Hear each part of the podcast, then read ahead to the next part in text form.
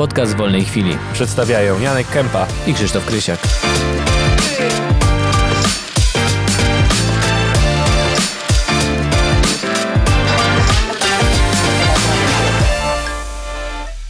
Zaczynamy.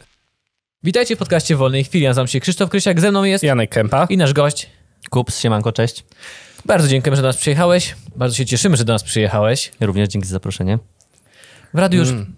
pracujesz, wiesz jak to działa. Tak, jakoś tam... Lepiej niż my, dużo. Nie, no ale znam, znam podstawy, tylko zazwyczaj siedzę po tej drugiej stronie mikrofonu, która bardziej przepytuje i, i zaprasza Ale gości. ile, już nie? dwa lata chyba macie Hype Talka. Eee, Hype Talka, tak. Radio, z tego co wiem, działa ponad rok. Mamy audycję. Aktualnie teraz jest wstrzymana, zmrożona. Nie wiem, jak to będzie, bo trochę chłopaki czasu nie mają, z tego co wiem, i, i być może jakoś to przekształcimy w, w inną audycję, ale to na razie jest y, pewnie po, dopiero po pandemii będziemy mogli jakoś to ustalić. Natomiast radio, sa, sama nasza audycja chyba ponad rok, z tego co kojarzę, śmigała w radiu. Aktualnie, tak jak mówię, dwa czy trzy miesiące już jej nie ma. A czyli to nie tylko, że pandemia zrobiła przerwę, wy też się zastanawiacie jak dalej, tak? To znaczy bardziej też chodzi o to, że mm, chłopaki ode mnie tam z Hype Talka mm, mają masę rzeczy na głowie. Teraz organizowali ten festiwal, który niestety najprawdopodobniej się nie odbędzie, bo cały czas chyba nie ma oficjalnego ogłoszenia, ale... No właśnie nie ma, ja też miałem się o to pytać. Ale właśnie. z tego, co wiem i z tego, co się możemy też domyśleć, raczej, raczej yy,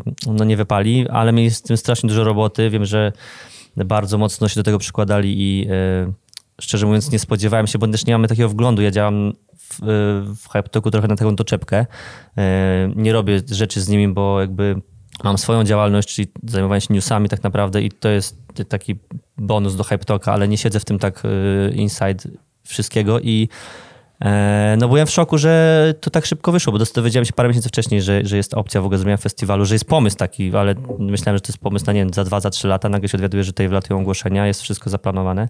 Czyli wszystko tak szybko się to... Wszystko To tak czy, szybko też pewnie nie wiedziałem y, wielu rzeczy, No, no, no, wiesz, no. ale, ale myśl, jak mi coś tam przebąkiwali po cichutku, że jest taki pomysł, to myślałem, że to jest, no, no nie ma szans, że to w ogóle w tym roku wyjdzie. A No, się no, okazało, że nagle miesiąc później są ogłoszenia, wszystko jest zorganizowane, więc wiem, ile to ich kosztowało pracy i wysiłku i i to radio też było tak, takim trochę obciążeniem dla nich, więc. Yy, No jasne, zrozumiałe, że nie można inaczej będziemy mieć próbowali. tak, dużo projektów, nie? Jasne, Bo to dokładnie, przecież nie, nie, nie ogarnie człowiek, nie ma tyle czasu, nie rozciągniesz doby. Dokładnie tak. A szkoda właśnie, bo kurczę, jak zobaczyłem line-up od razu, Mhm.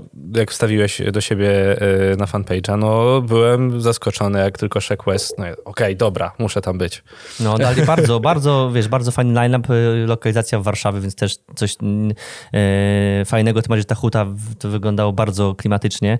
E, no cóż, szkoda, tym bardziej, że jest to pierwsza edycja, no bo jak są festiwale, które powiedzmy mają tą dziesiątą czy dwudziestą edycję, to jednak wydaje się, że raczej mogą to bardziej przeboleć i, jednak tutaj był ten taki atak czegoś świeżego, nowego i pytanie, czy to za rok zadziała tak samo mocno, jeżeli chodzi o tą świeżość. Natomiast wierzę, że tak, no bo w- chłopaki dobrze wiedzą, w jakich odbiorców celują. E, ta grupa e, odbiorców się mocno zazębia, jeśli chodzi o tematyki właśnie ciuchowo, butowo, muzyczne, No. więc wierzę, że wyjdą z tego obronną ręką i z tego, co kojarzę, to Big Idea jest tam współorganizatorem, więc jeśli Big Idea tylko się też jakoś z tego wybroni, to myślę, że za rok, e, a może nie wiem, na jesieni, nie wiadomo jak to teraz Mhm. będzie, nie? ale my- myślę, że, że będą robić wszystko, żeby do tego doszło i No wierzę, że zbudują markę mocno. najpewniej za rok, jak wszystkie, wszystkie Pewnie koncerty.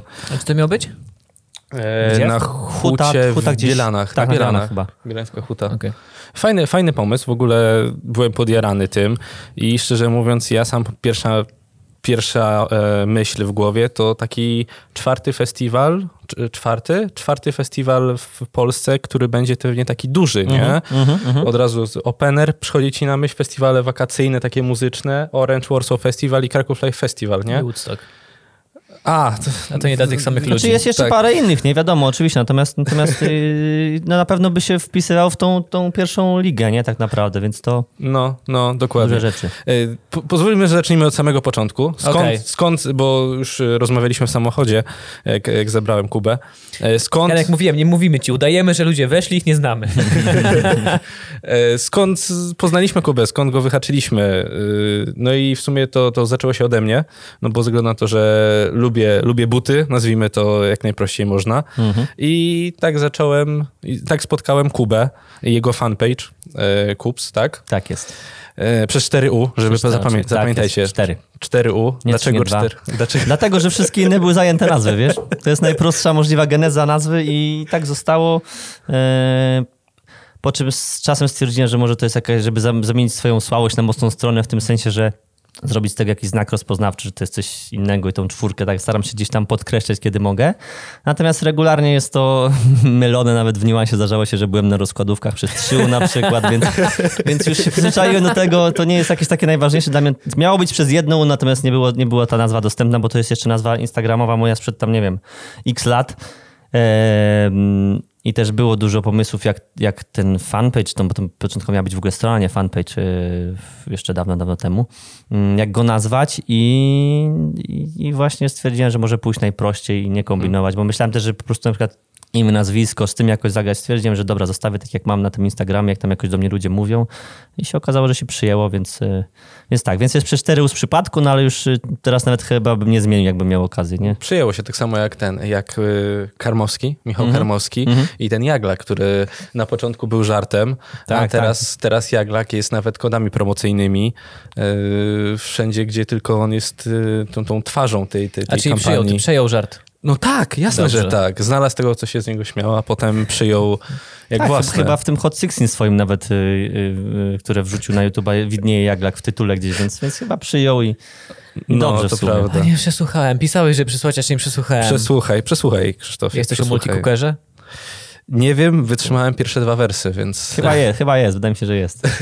Bardzo zgrabnie to rozegrał. Y, Tak znalazłem twój fanpage. Mhm. Wróćmy do tego głównego tematu. Y, I szczerze mówiąc, bardzo się cieszę, bo jestem na bieżąco ze wszystkimi nowościami. Mogę nazwać to ogólnie modowymi.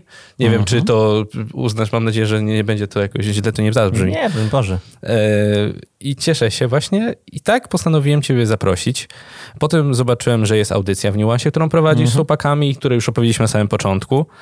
I jedno moje pierwsze pytanie, jakie mi się nasuwa, ponieważ w pierwszej audycji mówisz, że prowadzisz tego fanpage'a swojego, prawda? I starasz się być na bieżąco jak najszybciej tylko możesz. Nawet chłopaki mówili, że od razu wyciągasz telefon i od razu piszesz.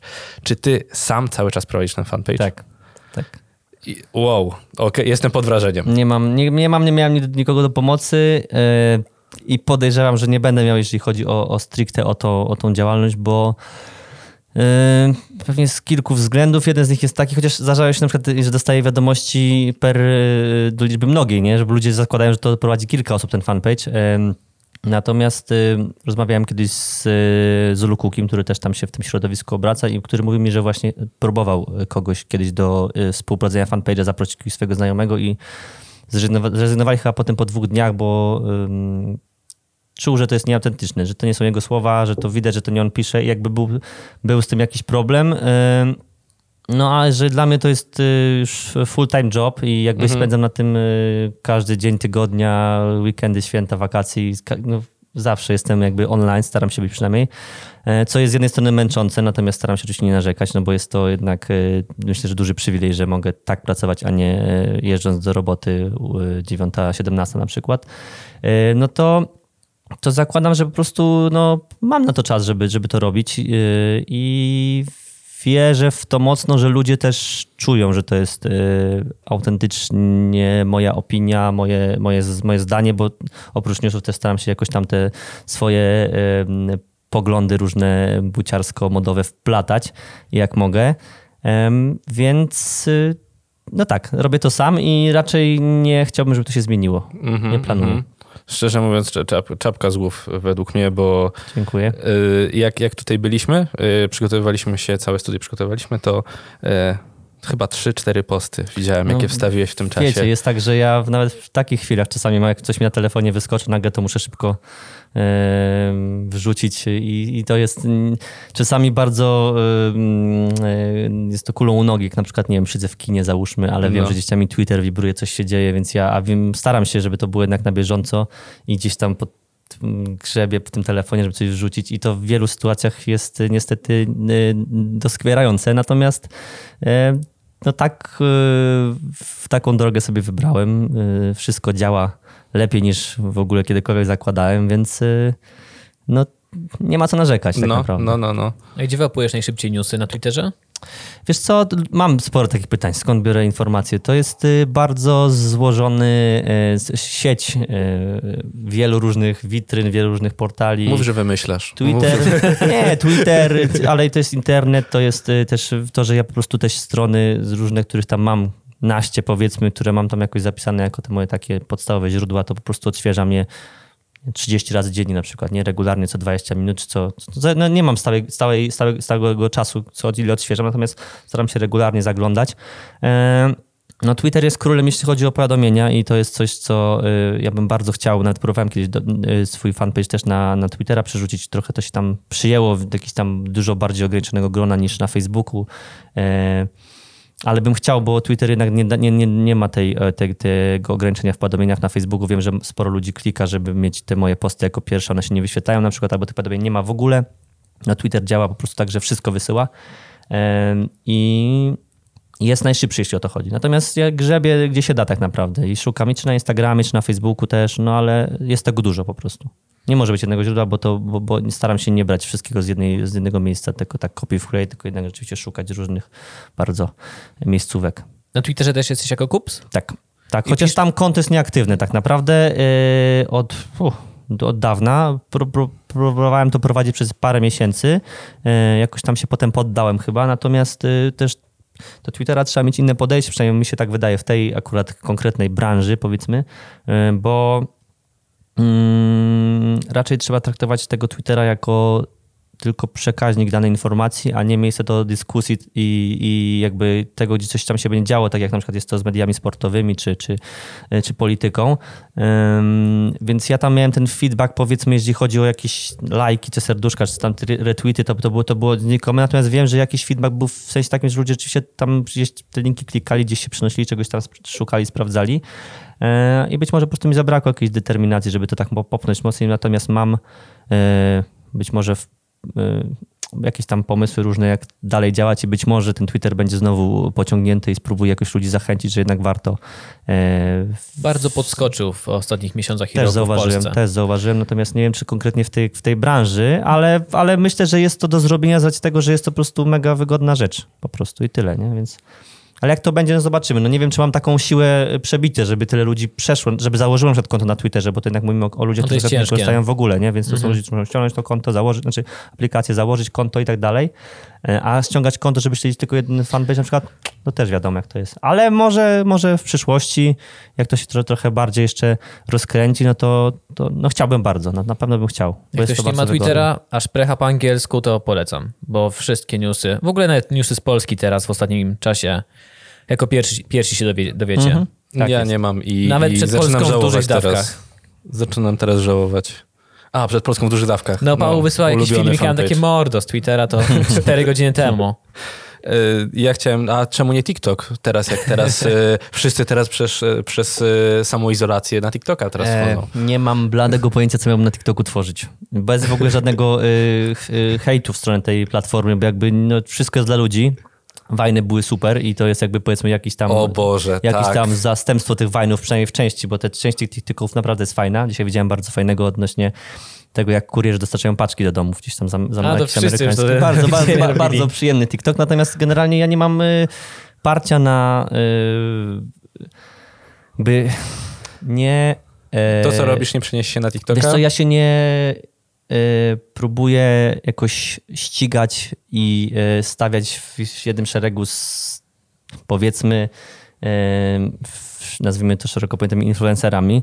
Jakby jest to słowo, które mnie zawsze bardzo drażniło, chociaż jakby jego pierwotne znaczenie jest dosyć sensowne, że ma się jakiś wpływ na ludzi. Natomiast nie ta walka taka w social mediach, że na Instagramie trzeba postować raz dziennie post, bo tam jakieś zasięgi, coś tam. Tutaj trzeba jakieś robić. No w ogóle to jest coś, co jest dla mnie absurdalne, bo ja nie walczę o to, żeby yy, się klikać. Nie? Jakby nigdy to nie było moim celem. Yy, To, że te liczby są i są coraz większe, to jest fajne i jakby motywuje do pracy i daje mi możliwość, żeby to była moja praca yy, codzienna. Natomiast no, no żeby być na TikToku, musiałem robić coś totalnie wbrew sobie, a tego nie jestem w stanie zrobić, bo, bo nigdy tego nie robiłem, jeżeli cho- chodzi o to, co, co robię na co dzień i jakby tak jak mówię, totalnie bez żadnego hejtu na platformę, tylko Mhm. że no nie wiem, co miałbym tam robić, czy co, żonglować butami, bym mógł, no co bym, wiesz, jakby no nie ma w- No jasne, jasne. Jest pomysłu na to tak jedna naprawdę. rzecz, bo na TikToku też jest tak jakby dział estet, estetyk, estetycznych wideo. Mhm. No to Estetyczne, krótkie filmiki okej. Mhm. butów, to ludzie by na pewno klikali. No. Ale też nie można się, nie można być wszędzie. Jasne, Bo oczywiście, się nie tak. wyrobisz z tym. Jeżeli Jasne. wrzucasz newsy kilka, kilkanaście dziennie, to już TikTok może być kulą u nogi. Dokładnie. Sporo. Czyli nie chcesz po prostu być jak największy, po prostu jakość i... Wiesz, nie, nie, nie, nie aspiruję, żeby... yy, To też jest tak, że na przykład marki bardzo często, a z, z wieloma mam styczność, bardzo często, czy w zasadzie zawsze, yy, na pierwszym miejscu stawiają sobie Instagram aktualnie. Zasięgi, polubienia, followy, tak dalej, tak dalej. Yy, Dla mnie Instagram jest totalnie drugorzędną yy, platformą. Yy, Zawsze go bardzo lubiłem. Teraz lubię go coraz, znaczy od, od jakiegoś czasu coraz mniej właśnie przez ten taki wyścig szczurów yy, w tej branży. Może nie w tej branży, ale ogólnie wśród osób, które właśnie sobie budują te zasięgi i, i te liczby wszystkie. A u mnie zawsze numerem jeden był Facebook, który uważam, że jest mocno niedoceniany właśnie przez, przez różnego rodzaju brandy i, i firmy, które trochę tego Facebooka zepchnęły na boczny tor.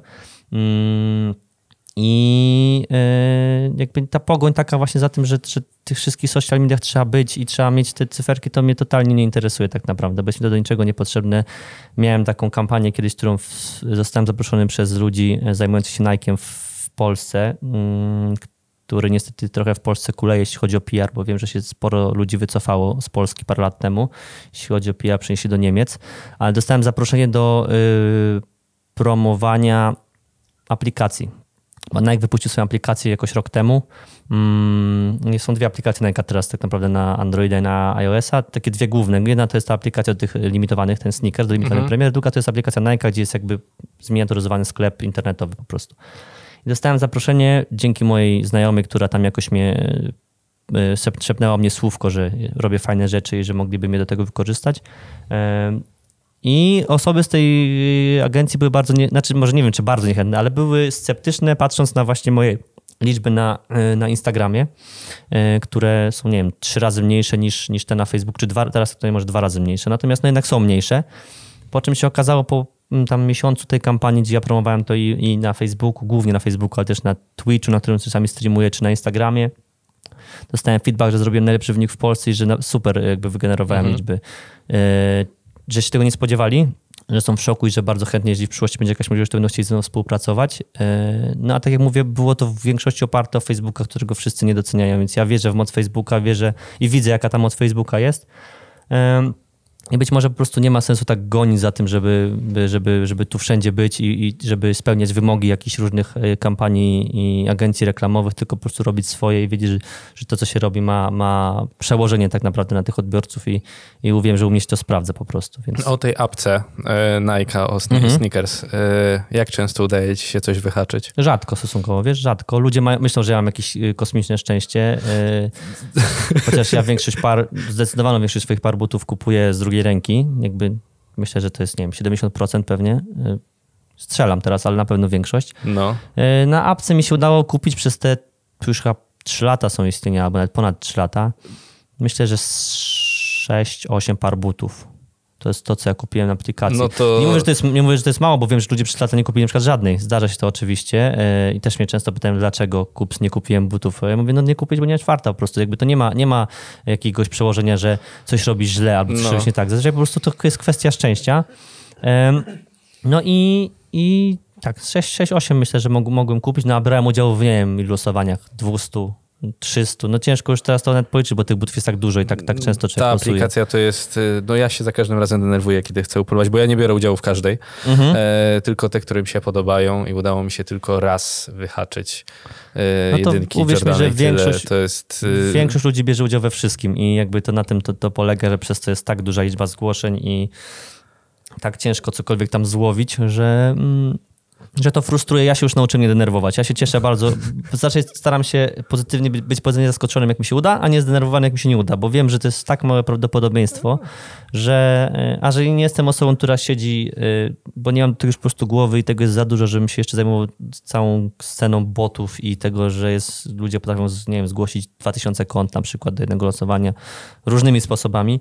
E, jakby nie mam do tego głowy i nie chcę się tym, bo to jest duży, duży, duży, dużo do nauki tak naprawdę, więc y, czasem po prostu wolę za coś przepłacić te parę stówek, ale nie musieć kombinować i, i, i wiesz, jakoś pompować w to swoje siły. Niż, więc po prostu tak jak mówię, no przestałem się, przestałem się jakoś y, łudzić, że tam się za coś złowić bardziej, tak jak mówię, to jest jakiś farty, jak mi się uda, to się cieszę, ale... Ja już w pewnym momencie zacząłem czytać takie teorie spiskowe, jak to wszystko można zrobić, teorie spiskowe.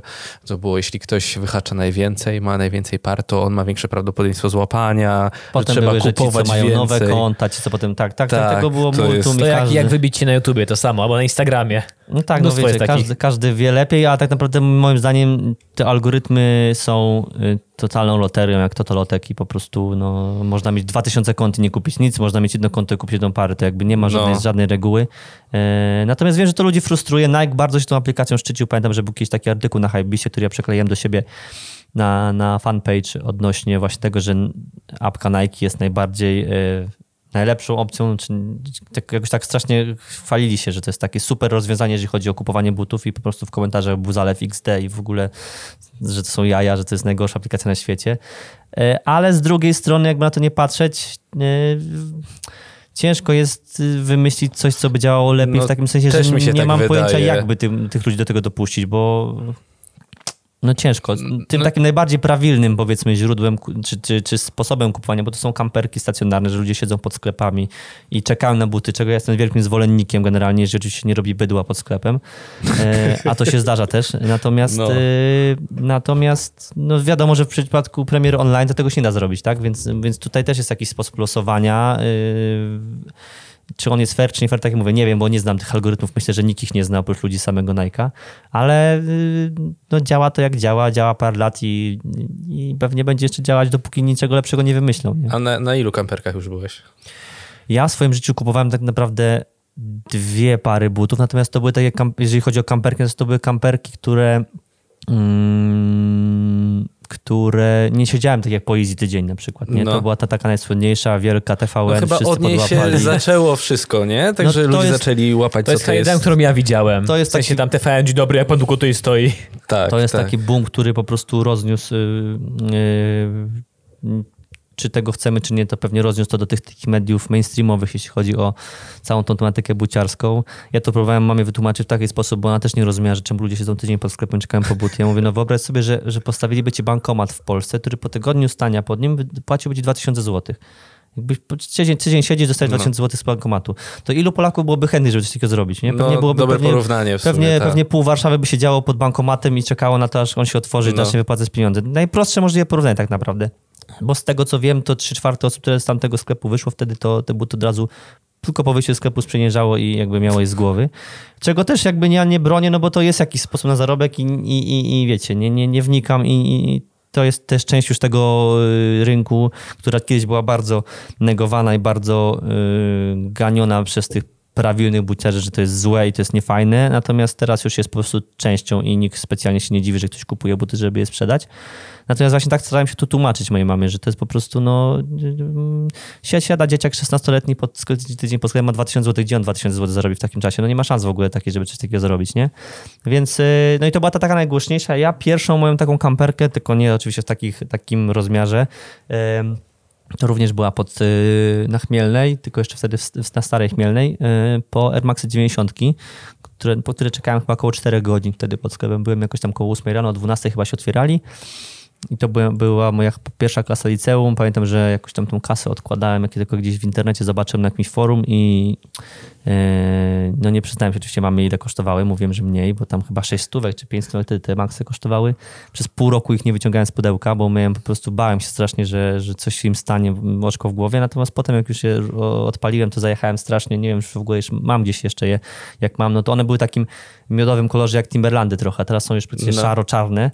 E, Tym bardziej, że to był zamrz, więc się bardzo szybko pobrudziłem, no, ale to była taka moja pierwsza na maksa świadoma para, którą wiedziałem, że bardzo chcę, odłożyłem ją pieniądze i No to ja tak samo I- miałem ze swoją pierwszą parą. że po prostu, wiesz, czułem, No. że to... No.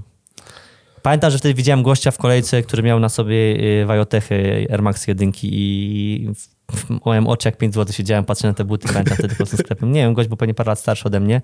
Być może nawet go znam teraz, bo nie pamiętam twarzy człowieka, pamiętam No. tylko buty tak naprawdę. Być może go poznałem, wiesz, kiedyś tam. Obstrzymałem, Czy- że na pewno go Czy muszę... ty też masz tak, e, e, przepraszam, Mhm. ci się wtrącę, czy ty też masz tak, bo już do mnie oczywiście e, moi rodzice, moja dziewczyna mówią, ty najpierw patrzysz na buty, a potem na twarz. Ja, mam, ja, ja wiem, że to głupio brzmi, ale u mnie to jest tak, że a, ten co miał te buty, a nie ten co, nie wiem, Mhm. był blondynem. Janek potrafi nienawidzić człowieka, bo zobaczył u niego ze buty.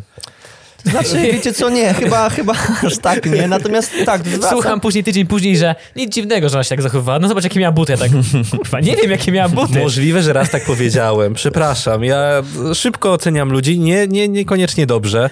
Yy, I niedobrze. No, nie powinienem tak robić. No, Ja Zgadzam miałem się. tak, że y, podczas mojego, mojego czasu pracy w sklepie, pracowałem w warszawskim Brand Colors przez prawie dwa lata, to myślałem indeksami butów. Widziałem człowieka i myślałem, jaki to jest numer buta na pudełku, nie? To jest po prostu już choroba, bo ale ilość tego, ile czasu spędzało się szukając danych butów i wklepując je do systemu i tak, tak, tak dalej, to mówię, dobra, to są New Balance, tam WL354, tam jakiś BCA, BCW i wiesz, te końcówki wszystkie, pamiętałem, miałem przed oczami. no. I, I w ten sposób miałem mo- mo- moment, że myślałem. To na szczęście przeszło dzięki Bogu, już tak nie, nie, nie staram się nie myśleć.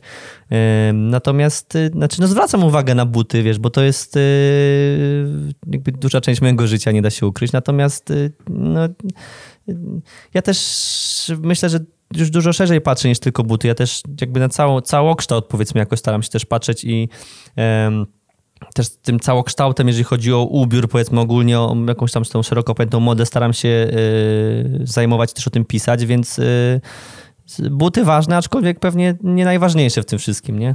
Ale tak, jest tak, że, że często się patrzy najpierw na buty, zdecydowanie. Tak. No, czyli dobra, to trochę mnie uspokoiłeś, że nie myślę, że nie jesteśmy jedyny. jedyni, więc, więc nie ma co się martwić. Tyle dobrego. Ja pamiętam, jak pracowałem jeszcze w poprzedniej firmie i, i zajmowałem się tam rozliczaniem budowy trochę. I pamiętałem po indeksach nazwy kosztorysowe danego zakresu robót, nie? I w nocy, pamiętam jedna noc, byłem, to było chyba przez dwa, trzy dni siedziałem bardzo długo w pracy i ja w nocy się obudziłem i dukałem na pamięć y, numery kosztorysowe. Ja nie wiem, jak to się stało, obudziłem się, a moja dziewczyna obok, Janek, kładź się spać, co ty odpierdalasz? A to wiesz, Rozumiesz, to, to jest... Ty, Ja się potrafię przerażony. obudzić jak, kurwa, w telewizji reklam nie wrzuciłem, nie będzie... Nie, zaraz, jest jest święto. Okej, wszystko wrzuciłem, dobra, mogę iść spać. No, to nie, to już przepracowanie, to jest efekt przepracowania. To na pewno, tak. No to wiecie, to jakby jak się w tym tak siedzi i... A ja potrafiłem pracować po... No... 70 godzin dzi- w tygodniu na przykład. Jak miałem takie striki, e, jeżeli chodzi o ciąg, że na przykład robiłem 5 dwunastek od deski do deski. E, 240 godzin to był mój rekord miesięczny, no to ile jest etat? 160, tak? Jest etat. No to, no to robiłem mm, półtora etatu e, pracy, która nie była wcale łatwa i lekka i przyjemna. E, Z różnych względów. Część była dlatego, że miałem moment, że zostałem mianowany kierownikiem sklepu, chociaż to jakby jest w ogóle historia, którą można by pewnie na inny podcast przeznaczyć, bo e, Śmiało, słuchaj, no... znaczy nie, nie chcę też, wiesz, nie chcę tutaj jakoś prać brudów, natomiast y, y, praca miała wiele zalet, oprócz tego, że się wiele dowiedziałem o tym wszystkim i poznałem super ludzi, no to jednak miała też różne swoje ciemne strony i ja byłem wtedy mianowany kierownikiem sklepu i po prostu miałem strasznego stresa, że ktoś coś zrobi źle z ludzi, którzy byli na sklepie, bo też część była po prostu nie, nie wyszkolona, nie wiedziała niektórych rzeczy, albo o wszystko się mnie pytała, bo wiedziała, że ja na przykład to potrafię, a byłem najstarszy aktualnie na przykład na sklepie, jeśli chodzi o staż, więc siedziałem od dechy do dechy po prostu w sklepie. Nawet jeżeli byłem w, No. w grafiku byłem wpisany, mieliśmy tam zmiany 9-godzinne, 9-18, to ja i tak siedziałem tej 21, żeby wszystko było dopięte na ostatni guzik, no i Wydaje mi się, że nie miałem w ogóle wtedy życia poza z pracą. Tak, nawet mi jest ciężko sobie przypomnieć, co ja robiłem, ale pamiętam, że ja jeździłem na, row, na rowerze, tam to było na, na, na Piwnej, na Starówce, no to na rowerze ode mnie, ode mnie z, z mieszkania to jest około 45 minut, czyli koło tej 8.10 wyjeżdżałem, 21 kończyłem, byłem 22 w domu, no więc jadłem, coś szedłem spać i jakby na tym się No. kończył mój dzień i miałem taką pętlę przez ponad miesiąc, myślę.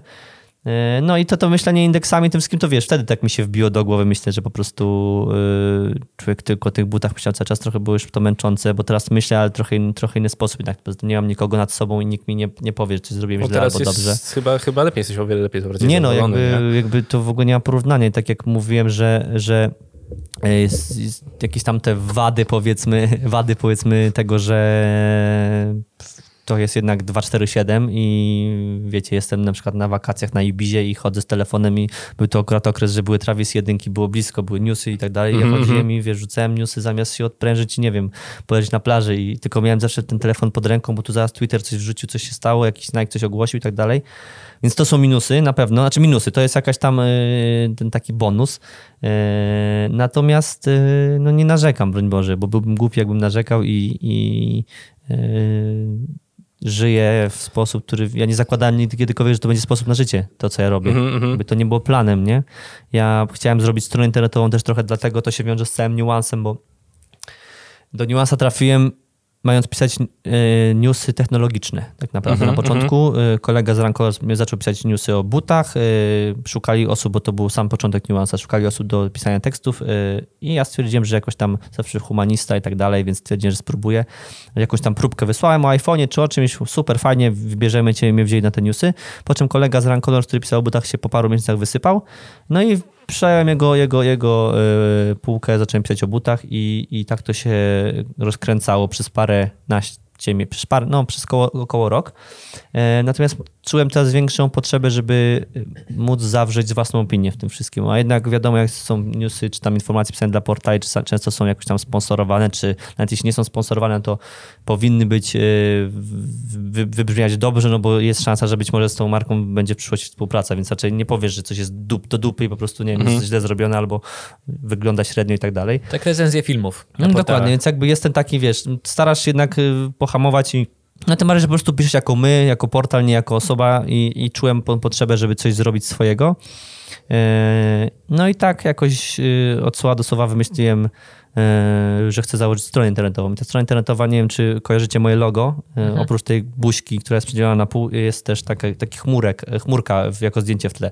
Patent, jaki ja sobie wymyśliłem jako moja wizja, był taki, że e, to będzie strona główna i najeżdżanie na jedną stronę twarzy będzie tą, tą kreskę przesuwać w jedną stronę, nadychanie na drugą stronę twarzy będzie przesuwać w drugą stronę, będzie wtedy cała twarz się pojawiać albo ta słuchawca, albo ta druga i będą różne chmurki. Jedna będzie obuta, druga będzie tam gdzieś tam jakiś popcorn coś tam jeszcze. I patent był taki, że to ma być, y, mają być jakby dwie sekcje strony, gdzie jedna będzie traktować właśnie o buta, druga będzie o wszystkim, o czym będę chciał napisać, o filmie fajnym, o serialu i tak dalej. I to był mój pomysł główny. Logo, który naszkicowałem na kartce, które wyglądało nawet dosyć podobnie do tego, y, co zrobiłem. Finalnie zrobiła mi koleżanka ode mnie z liceum za, jakiś, za jakąś tam stówkę przysłowiową i myślę, że nie zdawała sobie sprawy kiedykolwiek, że to tak urośnie wszystko. Ale jestem wielkim fanem, uważam, że to Czyli koleżanka jak Sapkowski z Właśnie chciałem powiedzieć, odezwie się za jakiś tak, trochę tak, ale jakby y, regularnie. Wiem, że ona totalnie w innym kierunku poszła, bo poszła w stronę architektury, natomiast zawsze pamiętam, że od, od, od, od pierwszej klasy liceum, jak ona widziałem, co ona wyprawia na kartce, jak rysowała, to po prostu pff, mózg rozwalony był. I jakoś tam się do niej zgłosiłem, zrobiła mi to mega ym, kozacko i nie wiem, czy to nie w ogóle, w ogóle nie była jej pierwsza praca tego typu graficzna, jaka jest zrobiona właśnie dla kolegi, wiesz, i, i, i w tym stylu i to zostało. Natomiast y, ze strona, strona, temat strony upadł, wierzyłem bardzo w mojego brata, który Pozdrawiam serdecznie, który e, działa w branży gier komputerowych i liczyłem, że on mi jakoś tą stronę pomoże postawić, znajdzie mi jakiś kontakt, cokolwiek. Oczywiście to wszystko się nie udało. E, I ja po pół roku praktycznie e, takiego, takiej stagnacji stwierdziłem, że dobra, ruszam z tym Facebookiem, walić to, spróbuję. Tak zresztą mi mówił Michu z Niuansu, którego też serdecznie pozdrawiam, że spróbuj po prostu, zacznij coś i potem zobaczysz, najwyżej to ruszy. I, i- no i tak ruszyło, że ta strona jest mi tak, tak aktualnie za bardzo niepotrzebna i jakby nie mam w ogóle, nie miałem w planach po tym już, po tych paru miesiącach, żeby tą stronę stworzyć. Oparłem się o tego Facebooka w całości, no i, i tak to... y, tak to wygląda. Nie wiem od czego zaczynaliśmy, bo już się zaplątałem, ale tak jak mówię, ja lubię gadać bardzo, więc Czekaj, e, teraz sobie staram, przypo- staram się Nie przypomnieć. przypomnimy sobie. coś o pracy było moje wcześniej, ale no, Chyba tak. Czy dobrze wyszło, no po prostu, podsumujmy to. Dobrze, dobrze wyszło. Każdy musiał zacząć od tego, że na początku się stresował, po czym wyszło coś lepszego z tego. I tyle. Znaczy to ja się też musiałem nauczyć często, jak na przykład teraz robimy kopiuj wklej, że nie warto jest wcześniej zbyt dużo czasu wywalać na planowanie i To rozwój prawda. czegoś. Żeby, warto Tak jest jest. spróbować, jak Tak się jest. okaże, to się podłapie, to dalej rozwijać, dlatego kopiuj wklej nie ma intro. Tak, bo założyliśmy niedawno drugi podcast Mhm. i też program na YouTubie, w którym razem z y, naszym trzecim kolegą, Mhm. y, z Pawłem Lakarnułem, y, tutaj mamy swój segment. Y, I szczerze mówiąc, w sumie musieliśmy rozpocząć. Po prostu fajnie Zrobić jest. na szybko i Na szybko, udało się się. uda. Tak samo jak tutaj, ten podcast. Jak to studio było, nie mieliśmy całego wyposażenia, przyszło tylko, chyba to było w niedzielę, przyszło, nie, dobra, przyszedł w czwartek, panele przyszły akustyczne, powiesiliśmy je w poniedziałek, we Znaczy- wtorek posprzątaliśmy. Znaczy dowody na to, że nie planowaliśmy, było to, że zaczęliśmy w mieszkaniu najpierw, bez mikrofonów. Dobra, racja. W mieszkaniu to wyglądało tak, tak. E, Mam pytanie bezpośrednie. Jak monetyzujesz e, Facebook? Czy to są promocje, czy to Eee, są reflinki? To są reflinki i to jest też jakby posty różnego rodzaju mm, rzeczy, które dostaję, czy z jakichś tam sp- współprac. Nie lubię strasznie określać, że za darmo to są rzeczy, no bo to nie są rzeczy za darmo, tylko są rzeczy, rzeczy za, za moje zasięgi. Za darmo by było, jakbyś nic nie napisał o tym. Dokładnie, to jest jakby, y, natomiast ludzie, no fajnie, też bym chciał tak za darmo dostawać, no ale no nie jest to za darmo, natomiast rozumiem, jaki, rozumiem skrót myślowy, natomiast y, reflinki i e, i właśnie posty, które jakoś tam, ja z często marką, jeżeli marki jakieś mi oferują różnego rodzaju jakieś tam działania wspólne, to ja też bardziej oferuję im tego Facebooku, jakby ja się jeszcze, ja się dopominam, że może jeszcze coś na Facebooka wrzucę, może nie tylko na tego Instagrama, a czasami po prostu mam ugadane na przykład, że wrzucam coś na Instagrama, ale na Facebooku i tak to też jakby podzielę się, bo czemu nie, nie, nie mam takie podejście, jeżeli chodzi o, tą, o ten biznes ogólnie, czy tą branżę, że e, po prostu staram się z każdym żyć dobrze. Jakby nie. e, czy to są ludzie ze sklepów, czy to są ludzie z różnych firm, że nie. Nie działam jeden za jeden, że e, tutaj za każdą współpracę na przykład muszę mieć pieniądze albo jakby. To działa w dwie strony, tak jak uważam. Ja czegoś potrzebuję od tego sklepu czy to od marki napiszę i są chętni, żeby ze mną działać, bo wiedzą, że zrobiłem x rzeczy wcześniej na przykład z nimi, więc e, uważam, że to jest najważniejsze w tym wszystkim, czyli nie kalkulowanie wszystkiego i każdej, każdej akcji, każdego działania. E, Wydaje mi się, że to jest dosyć chyba nietypowe podejście, jeśli chodzi o tą taką branżę, powiedzmy blogerską, jakąś tam influencerską, natomiast dla mnie, u mnie się to sprawdza od samego początku tak naprawdę. Właśnie to będzie takim e, w porządku i, i staranie się, żeby po prostu to funkcjonowało płynnie. E, No i więc tak, więc to są jakby te dwa, dwa główne moje, tak, to z czego się zarabiam, to z czego monetyzuję tego Facebooka. Jesteś jeszcze tam twarzą marki Kleber, dobrze mówię?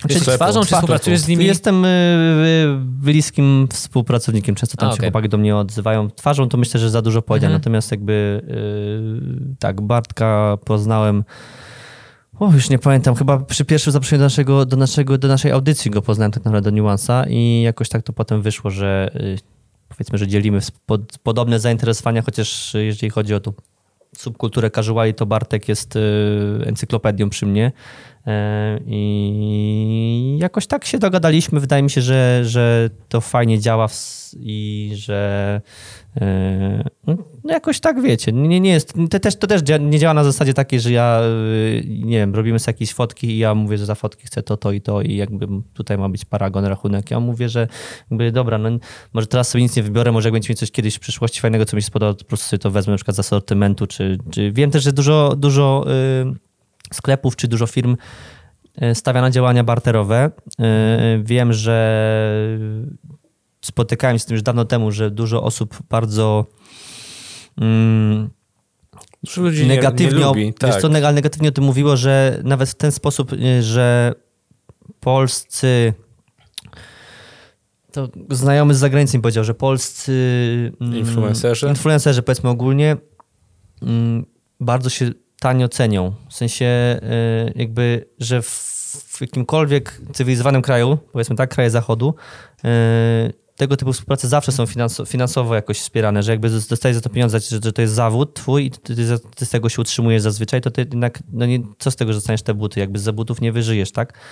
E, I że to jest właśnie takie, takie, takie coś, że, że się nie doceniają i że biorą wszystko, co opadnie, byleby tylko mieć w tą współpracę i, i, jakby e, byleby coś tam dostać, nie? Mhm. Natomiast jakby ja na to tak nie patrzę, ja czasami wiem, że być może na przykład nie ma budżetu na jakąś kampanię, nie ma budżetu na jakąś akcję, e, Natomiast ja po prostu lubię działanie. Jakby jeżeli ktoś mnie do czegoś zaprosi i to jest coś, co rzeczywiście mi się podoba, albo rzeczywiście uważam, że to jest fajne, bo, to, bo, bo ostatnio propozycji, które dostaję jest bardzo dużo. Dostałem ostatnio propozycję od, od jakiegoś antyperspirantu. Znaczy to była agencja PR-owa, która mi napisała Mhm. odnośnie tego, że chcieliby mnie jakoś zaangażować w akcję, to ja napisałem i żebym podesłał mi swoje statystyki z Instagrama. Napisałem, że przepraszam bardzo, ale zanim podzielę się jakimikolwiek statystykami, to chciałbym wiedzieć, jak sobie Państwo to wyobrażają. Czy ja mam sobie stawić zdjęcie z dezodorantem, przed, bo jakby jeżeli tak, no to dziękuję bardzo. Jakby, ja mogę, jeżeli to jest jakiś fajny pomysł, to czemu nie? Natomiast jeżeli ja dostaję informację, że Chcemy tam, mam jakąś propozycję, żebyś został twarzą, czy tam twarzą, żebyś tam jakoś wziął udział w kampanii e, antyperspirantu, podejść na swoje statystyki. No to jakby wiesz, to, to, ani Znaczy, to profesjonalne, Gdzie ani ty, a gdzie, gdzie oni w sensie? to jakby w ogóle wiesz, produkt. produkt, totalnie z, z, z dupy i, i, i być może tak właśnie trochę są postrzegani influencerzy tak szeroko pojęci, że wezmą wszystko właśnie, co im się włoży do gara, tylko żeby, żeby, żeby podziałać.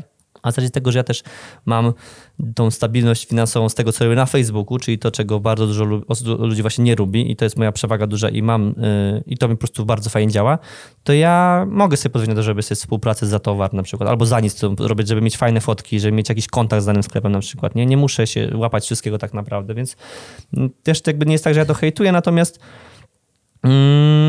często właśnie jest tak, że, że te bartery są proponowane częściej, bo, yy, no być, być może na przykład nie ma kasy na tą akcję i tak dalej, nie? Ale jeżeli to jest coś, co mi podchodzi, co lubię, co mi się podoba, to w ogóle nie mam z tym żadnego problemu. To zależy z kim się współpracuje. Jak współpracujesz z ludźmi, których lubisz, albo ich ten markę, no to no spoko, nie mam problemu. Jasne, staram się nie... nie Jeżeli jest jakąś wielką korporacją, to już bym byłby taki, no może nie, z wami no, nie. nie, no jakby, jakby wiesz, jakby mi zaproponowali z jakiejś du, dużej, dużej, dużej firmy coś, coś, coś dużego, coś takiego, co miało być naprawdę kampanią reklamową, to pewnie bym w życiu nie zrobił tego za telefon albo za tam, nie wiem, za coś, nie? Raczej wtedy to już jest traktowane jako, jako no Nike za aplikację nie dał mi butów, tylko dał mi, zapłacił mi normalnie i to było, wiesz, jakby w, w, w, tak robione. Natomiast, chociaż tam też był barter przy okazji, bo dostałem też jakieś, jakieś rzeczy ze sklepu od Nike'a. Natomiast tak, no, staram się współpracować właśnie z ludźmi, których lubię, czy nawet jeśli nie znam, to jakoś y, tam kojarzę, czy, czy, czy miałem na przykład taką, y, taką propozycję, czy taką współpracę tak naprawdę, jakiś tam właśnie barterowo podesłał mi, podesłał mi y, kurtkę marka Hazel 21, czy 21, nawet nigdy nie wiedziałem, kto się czyta, natomiast jest to marka, y, y, chłopak z Krakowa to prowadzi. Y, Jest to marka, w której ja chodziłem jeszcze w czasach liceum, gimnazjum liceum.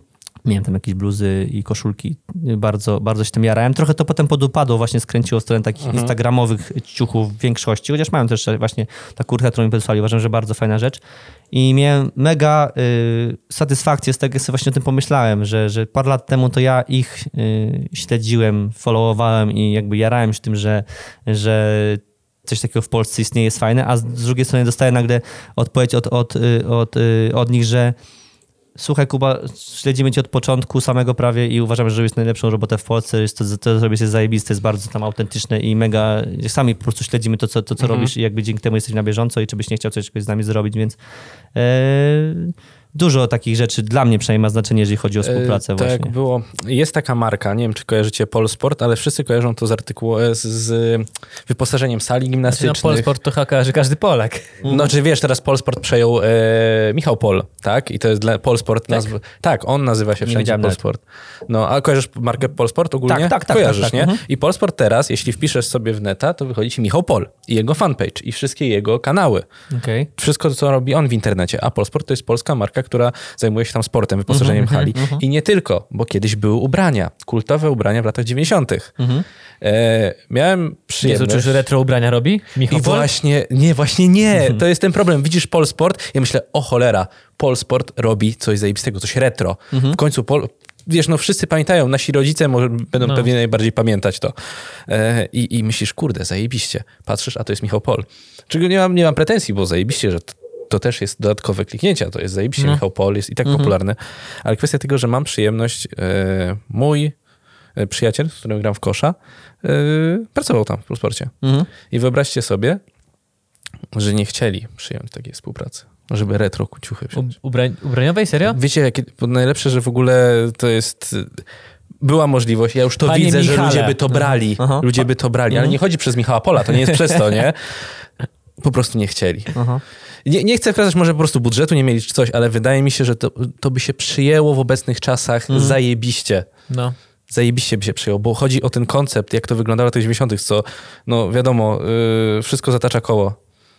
Na pewno by to wróciło. No Wszyscy teraz przecież. Sofiksy, yy, Sofiksy Świetne są Sofiksy. I, czy Kuboty, z którymi też jakoś tam ta Kubota do mnie też się odezwała, yy, to jest dwa lata temu, jak te klapki, w- tylko oni postawili na nawiązanie nazwą do marki, natomiast same klapki są dużo inną rzeczą niż to, co my kojarzymy jako Kuboty, takie za 5 zł z bazaru, tylko oni jednak zrobili to dużo, dużo tak bardziej premium powiedzmy. Natomiast no wraca to wszystko. Te Sofix też e, jakoś tam fajnie, fajnie działa w Polsce. Są te, teraz zrobi ostatnio buty, które są, wspierają tą kampanię Rock and Roll. Jest e, 1% Mm, można widziałem, podatku widziałem. przekazać.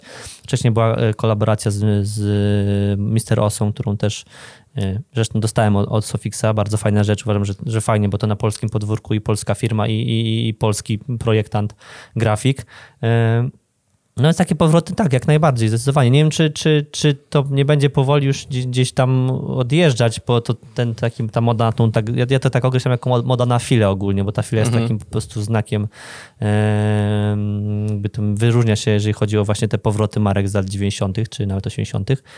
Natomiast, no tak, no wszystko to, co wracało, to się przyjmowało super przez rynek, więc, więc Polsport, którego, który ja też kojarzę jakoś, więc myślę, że- myślę żeby, żeby mógł zrobić jakieś tam zamieszanie na rynku. Znaczy, no, wydaje mi się, że warto spróbować.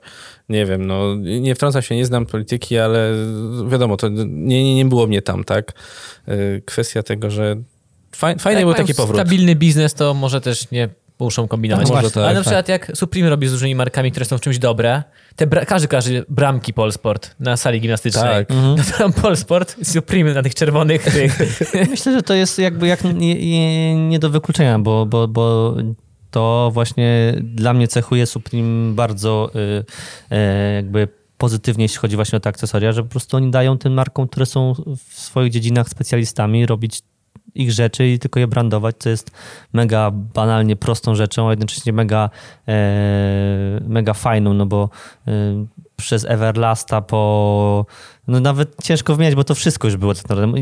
Kiedyś zastanawiałem się, czy da się zrobić całą kuchnię, e, jakby urządzić w rzeczach Supreme i podejrzewam, że 90% już można byłoby tak naprawdę e, przez kubeczki do kawy, do espresso, po sztućce, talerze, miski, e, kubeczki do sake, nie wiem co tam było. No w zasadzie pałeczki chińskie, wiesz, jakby jest e, termosy, jakieś szklanki, mm, no wszystko, wszystko, totalnie wszystko.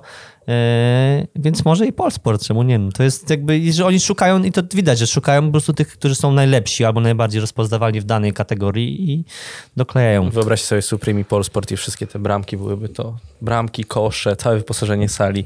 No ja pamiętam naszą podstawówkę, gimnazjum. Znaczy, no ja chodziłem, liceum było też to, to, to, to samo, tak? Więc, e, więc pamiętam, ale no Polsport, pamiętam, towarzyszył mi zawsze na każdym WF-ie. A ci te akcesoria takie szalone Supremierają? Kupowałeś jakieś, czy w ogóle to jest ciekawostka dla ciebie E, mam, e, mam, dostałem Rower. w prezencie. Nie, nie, nie. Mam, dostałem w prezencie, mam e, Automat szoty do sakę właśnie z, z tym, z tym z panuszkiem, czy jak, jak to się nazywa, nie wiem jak to się profesjonalnie nazywa.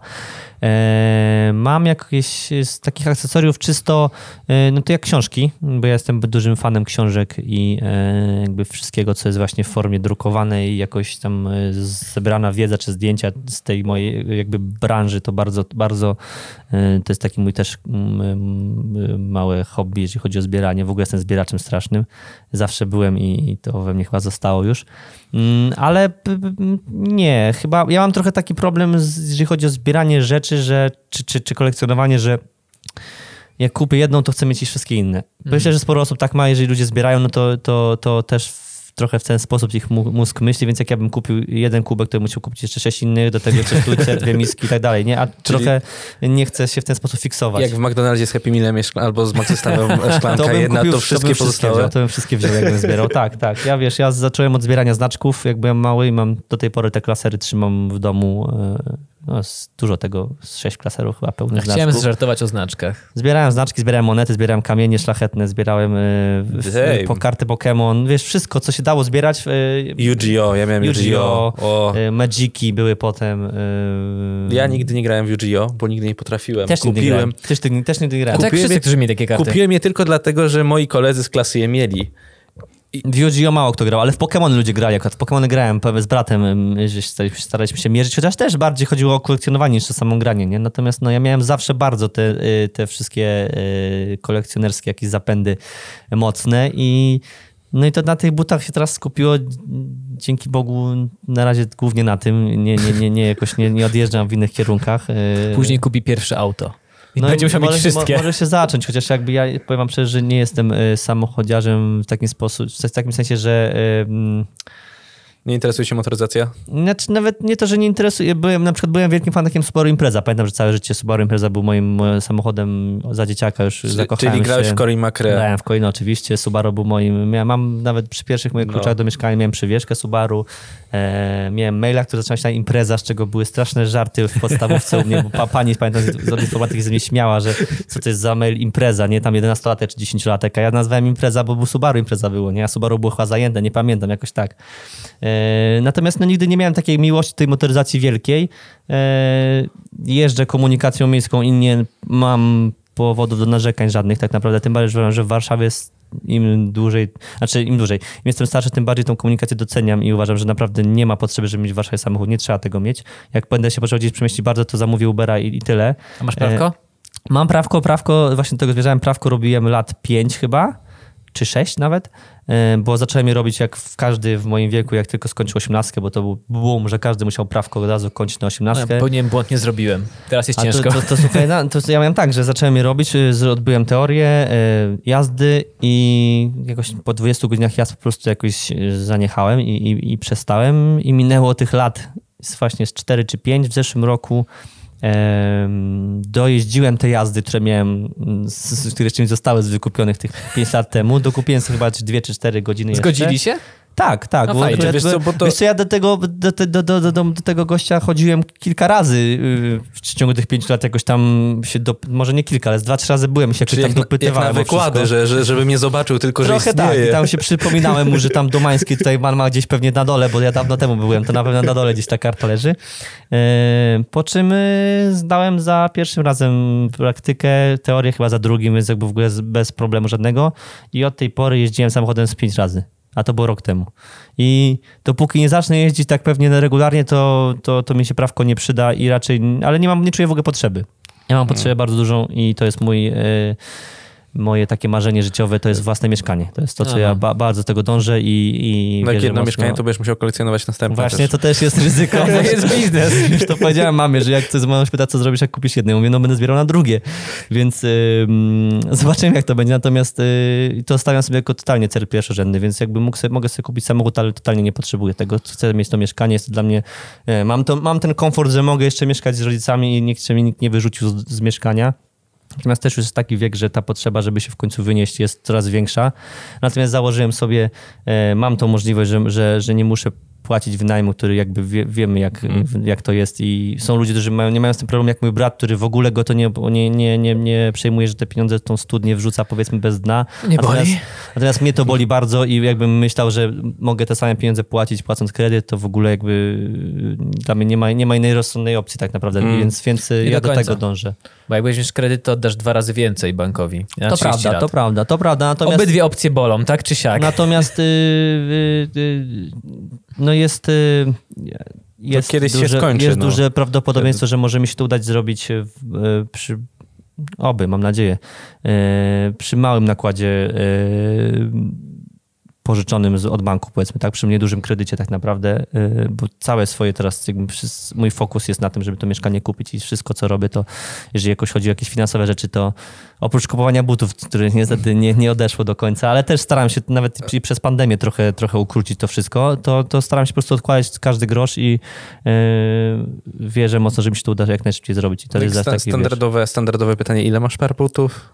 Wiem, że to jest pytanie, co, które jest regularne pytanie, a ja już przestałem liczyć, więc nie wiem. Myślę, że około 150, tak, to jest taki mój... E, strzelam, nie? No bo, bo, bo e, coś koło tego. Natomiast wiesz, e, jakbym miał też jakbym miał liczyć wszystkie buty, łącznie na przykład z tymi, które tam jakoś leżą, czekają na przykład, żeby je sprzedać, które nie są w moich rozmiarach, to pewnie byłoby tego jeszcze więcej, ale tego nie liczę, no bo to jakby nie, nie Czyli, czyli przekryję 150 tych, które, które już yy, Powiedzmy już nie, użyłeś, nie, nie, nie, nie, nie, nie, nie, nie, nie, nie, broń Boże. Te, Właśnie które ja mam też planujesz tak, dla siebie na użytku? Też te, które mam jakby, mogę, mogę w nich chodzić, mogę w Mhm. nich, bo, bo nie, jestem, y, nie jestem z tej kategorii y, buciarskiej, która y, od razu po tym jak zobaczy buty, je założy i w nich biega, skacze i się cieszy, że je ma na nogach. Ja Mhm. bardziej e, Kolekcjonujesz? kolekcjonuję, znam takich takiego? osób, które też mówią, to jakby najbardziej, najbardziej ekscytujący moment samego zakupu. Ten moment, że masz, zdobyłeś, czekasz na tą paczkę, ona Mhm. przychodzi, oglądasz, widzisz, masz to, masz to w ręce, e, a jakby chodzę w tych pięciu, może nie w pięciu, dobra, no przesadzam, ale, ale mam tych takich ulubionych moich, że 6-7 par, które są jakby takimi go-to, że po prostu wiem, że w, zabiorę je na wyjazd, wezmę je Mhm. wszędzie i po prostu są, wiem, że są sprawdzone, wygodne i, i, i je bardzo lubię. A cała reszta to jest jakaś tam rotacja dodatkowa, plus jest masa butów, których ja nie chodziłem w ogóle, y, czy to z, z y, jakichś tam y, przyczyn finansowych, że jest to jednak po prostu sporo warte, jakoś tam jakby Czyli- nie, ukry, nie ukrywam tego, że się, że, y, że to jest też inwestycja w jakiś sposób. Właśnie. Nie, jakby nie robię z tego totalnie, wiesz, ściemy, A że co, nie, jakieś że... takie rzadkie, które udało się wyczaić i tak czekasz, bo wiesz, że one No wartość wiesz, rośnie. mam buty, które są warte z 12 tysięcy aktualnie na przykład, nie? I, będą więcej. I pewnie będą więcej, a założenie ich na przykład o tą wartość już obniża o pewnie kilka tysięcy. Poza tym, no jakby nie czuję potrzeby. Ja mam tak, że bardzo często te buty ze mną dojrzewają. Kupuję sobie jakieś buty, które mi się bardzo, bardzo podobają i jestem albo tak, że na przykład po jakimś czasie się ich pozbędę, bo, bo stwierdzam, że no jednak to nie było to na przykład. A są drugie, które sobie kupię myślę, dobra, kiedy się założę? Jak będę miał pomysł, czym je założyć, bo staram się jakoś tam to tak sobie, y, oprócz tego, że pewnie i tak 90% czasu spędzam w dresach Ziny i w, w, y, w polarze jakimś w domu siedząc i jakby totalnie no nie, nie, nie, nie, nie wiesz, nie, nie, nie, nie szykuję się do siedzenia w domu, nie zakładam najlepszych ciuchów, nie, nie, nie jestem tego typu człowiekiem. Wychodzę z psem na podwórko w klapkach i jakby w japonkach, nie, nie, nie, nie, jakoś nie kalkuluję tego. Natomiast y, mam tak, że właśnie sobie zakładam, że być może a kiedyś je założę. Jakby mam to, że to ta kolekcja rośnie. y, Kupuję buty bardzo automatycznie, już nie, nie myślę o tym za bardzo i na to wydaję, staram się nie myśleć i jakoś tego tak obliczać. Natomiast okej, kupiłem, poleżą może za pół roku, nie mam pomysł, czym jest, a może no, po prostu mnie znajdzie, że będę chciał je założyć, to je założę wtedy, wiesz. I chociaż to też jest oczywiście, ma swoje plusy i minusy, bo minus jest taki, że po prostu miejsca powoli zaczyna brakować, bo to zajmuje dużo miejsca. E, Wszystkie buty są oczywiście w pudełkach, to nie jest tak, że, że są bez pudełek, więc e, dzięki temu, że mój brat się wyprowadził, no to mam jego pokój. Cały pokój. Jego pokój jest magazynem dla różnych, e, nie tylko już e, butów, ale też ciuchów, bo też pół jego szafy mam wy, zapchane, bo, bo, bo u siebie się nie mieszczę. To, tak samo jak u mnie, jak ja wyprowadziłem się do akademika, to mój pokój też służył przez rok. Jako magazyn. Jako, magazyn. Mhm. Na wszystko mojego brata, moich rodziców, wszystko dokładnie Gdyby samo. nie ten pokój, to myślę, że miałbym już problem, żeby się pomieścić tak sensownie, żeby to poukładać tak, żeby się nie potykać o te pudełka, nie? E, Natomiast zawsze sobie mówiłem, że nie chcę takiej kolekcji, jakby nie, nie dążę do, tego, do ilości jak największej, e, bo nie jest mi do niczego potrzebne. Natomiast e, i zakładałem sobie nawet, gdzieś to chyba początek zeszłego roku, to było takie postanowienie noworoczne, które wiedziałem, że się nie spełni, że żeby tą kolekcję z, trochę z, Uszczuplić. z, uszczuplić. Natomiast wiedziałem, że to siłą rzeczy przy tej ilości raz, raz jakie butów, jakie dostaję z różnych współprac z, z działaniem z markami, dwa z tego je po prostu mi się rzeczy podoba i ja mam ten impuls, dobra, kupuję i po prostu wiesz, nie zastanawiam, nie, nie kalkuluję jakoś tego specjalnie. To wiedziałem, że to jest po prostu niewykonalne, bo musiałbym się pozbyć par butów, których bym w życiu się nie pozbył, bo po prostu nie i jakby są Mhm. dla mnie, czy to jest wartość sentymentalna, czy to jest wartość taka, że po prostu mi się coś podoba. Eee, I no, i no i to rośnie tylko i to rośnie. Słuchaj, jest szansa, że jakbyś się przeprowadzał, to wtedy, Wtedy będziesz może chciał tak. zmniejszyć. Tak, jest szansa. Z drugiej strony może będzie tak, że po prostu część ze sobą zabiorę, część zostanie w, w magazynie domowym i będzie tam leżeć. Też tego nie wiem, bo, bo, bo, bo nie wiem, jak to, jak to będzie. Natomiast e, no wiecie, no ma, Przeprowadzka zawsze uszczupla. tak, Powiem- tego tak słyszałem, sobie, więc, tak. więc, więc mam, wiesz, mam Bo nadzieję. uświadamia, ile masz pierdół. po prostu. To, na, to na pewno, to tego jest dużo, więc e, no ma to swoje plusy i minusy wszystko, no bo wiem, że to może trochę brzmieć dla, dla kogoś totalnie nie, nie zaznajomego jako jakaś choroba już praktycznie, nie? Bo to jest jednak coś, co jest tak nietypowe i, i z drugiej strony ja też zawsze staram się bronić w ten sposób, no jakby ktoś, jak ktoś zbiera, nie wiem, no znaczki właśnie, albo ktoś zbiera... e, Puszki po harnasie, żeby wszystko, następne. Nie? Ludzie, No. ludzie zbierają... ja, ja, ja, ja widziałem kolesia... Ja piję tylko, żeby wygrać. O to chodzi. Ja widziałem kolesia, który wysłał gdzieś, y, wstawiłem taki jakiś post parę tygodni temu właśnie, co, zbiera, co zbieracie jeszcze oprócz oprócz e, butów, e, bo ja mam taki też, e, zawsze, kiedyś zbierałem płyty mocno, jako kolejna właśnie rzecz, którą kolekcjonowałem, potem trochę przestałem, ale na przykład mam Franka Oceana, którego ja kocham nad życie, mam jakby kolekcję, cały, cały przekrój wszystkich jego albumów, winyli, ale jest jeszcze taki zin wielki, który on wydał przy okazji premiery swojej płyty i na przykład gość wstawił w komentarzu zdjęcie mm, butelek po napojach. Yy, napojach różnych, typu różne mirindy, różne kole, różne jakieś tam e, Arizony na przykład w 10 różnych kolorach i po prostu ma taki, wiesz, wielką meblościankę, która jest zostawiona od prawej do lewej po prostu pustymi butelkami, których tam, nie wiem, z 200 na Mnie przykład. zawsze zastanawiało, jak widziałem ściany domów na przykład, albo jakieś y, stodoły na przykład, Mhm. gdzieś jak się jeździło autem, butelki szklane. Mhm. Nie, nie, nie. I No ludzie, zastanawiam, wiesz, jak długo trzeba jakieś, było to no. zbierać. Znaczy, rozumiem, że na skup, ale kurczę, kolekcjonować można wszystko, Ja szczerze tak właśnie mówiąc. definiuję w ogóle, jak ktoś mówi, że nie hobby, że hobby to jest to, na co lubisz wywalać hajs. Tak. My też się Tak, dokładamy do tego podcastu regularnie. Regular, no tak, Jak racja. Dobre I, hobby. I lubimy to robić. Jest, jest coś w tym zdecydowanie, tak, to prawda. Więc Jest- jakby wiecie, no, stara, to, jest to jest to dziwne, może nie typowe, chociaż pewnie też coraz bardziej już y, y, normalne, powiedzmy, bo to przez te parę lat bardzo mocno ewoluowało i jest o tym dużo głośniej, niż było parę lat temu. Natomiast ktoś totalnie zna, znajomy, jak jakaś ciocia do mnie przyjeżdża i mama mówi, patrz tutaj, tutaj, tu buty, tu buty, pokazuje ile to ja nie kupiłem, albo to jakiś zaprojektował swoje, coś tam, ten. I oni tam wchodzą po prostu oczy tak i nie wiedzą, co się dzieje. E, więc jakby dla osób, które totalnie tego nie śledzą, to może być dziwne, ale jakby, tak jak mówię, no wszyscy Każdy ludzie ma zbierają swoje, wszystko, dokładnie, ma samochody, wiecie, no zegarki, no wszystko można zbierać tak naprawdę, tak, więc mm, buty są tylko jakimś tam jednym działem, no Tak więc... teraz rozkminiam, co jest najdziwniejszego, co ja widziałem, w sensie, co ja... No bo ja zbierałem, no to wiadomo, no tutaj to jest moje pierwsze hobby, teraz obecnie, ale znaczki też, e, Zbierałeś monety. znaczki? Trochę scheda po moim tacie, w sensie, że ta, tata zbierał i Mhm. trochę to na mnie przeszło i jest to nadal, aczkolwiek ostatnie parę lat to w ogóle to zaniechałem. Kiedyś wcześniej w dzieciństwie się jarałem Tata każdym na emeryturze, ten może teraz oglądać Też. znaczki. Tak, wiesz. Ja po dziadku miałem to, no. Ja miałem po dziadku i z kolegą moim z bloku się No. wymienialiśmy znaczkami, bo on też miał na to, pamiętam, więc normalnie były jakieś z wystaw filatelistycznych, takie, takie wiecie, nie takie tam znaczki popierdółki, Tak, tak, takie tak, znaczki, takie znaczki, ogromne, no, nie? No, żeśmy robili jakieś wymiany i no, i lądowanie na Księżycu mam na przykład bardzo. Fajne, mam jakieś takie, mam na przykład z Quo jak była premiera Quo w kinach, to Tak. były takie wielkie te, No. mam, y, pamiętam to, bo ja to nieraz przeglądałem, to w szkole, że w tych klaserach zakurzonych, ale wiecie, no jakby parę lat na to, na to poświęciłem. E, najbardziej taki mój odjechany znaczek, dla mnie najważniejszy, jeżeli chodzi o, nie wiem, to jak mi się pod, podoba. Pierwszy koncert może- Maryli Rodowicz. Nie, nie, nie. To znaczek z wystawy filatelistycznej chyba w Kanadzie i to był taki znaczek, że ten, bo tam zawsze w tych znaczkach, jeżeli, znaczki są zawsze, nawet jeżeli są duże, to jak ten znaczek jest mały, bo on może być wykorzystany Mhm. na liście normalnie, nie? Więc to był taki duży, duży, duża, e, duży pergamin, duży kawałek papieru i w środku był motyl, który był na takim hologramie.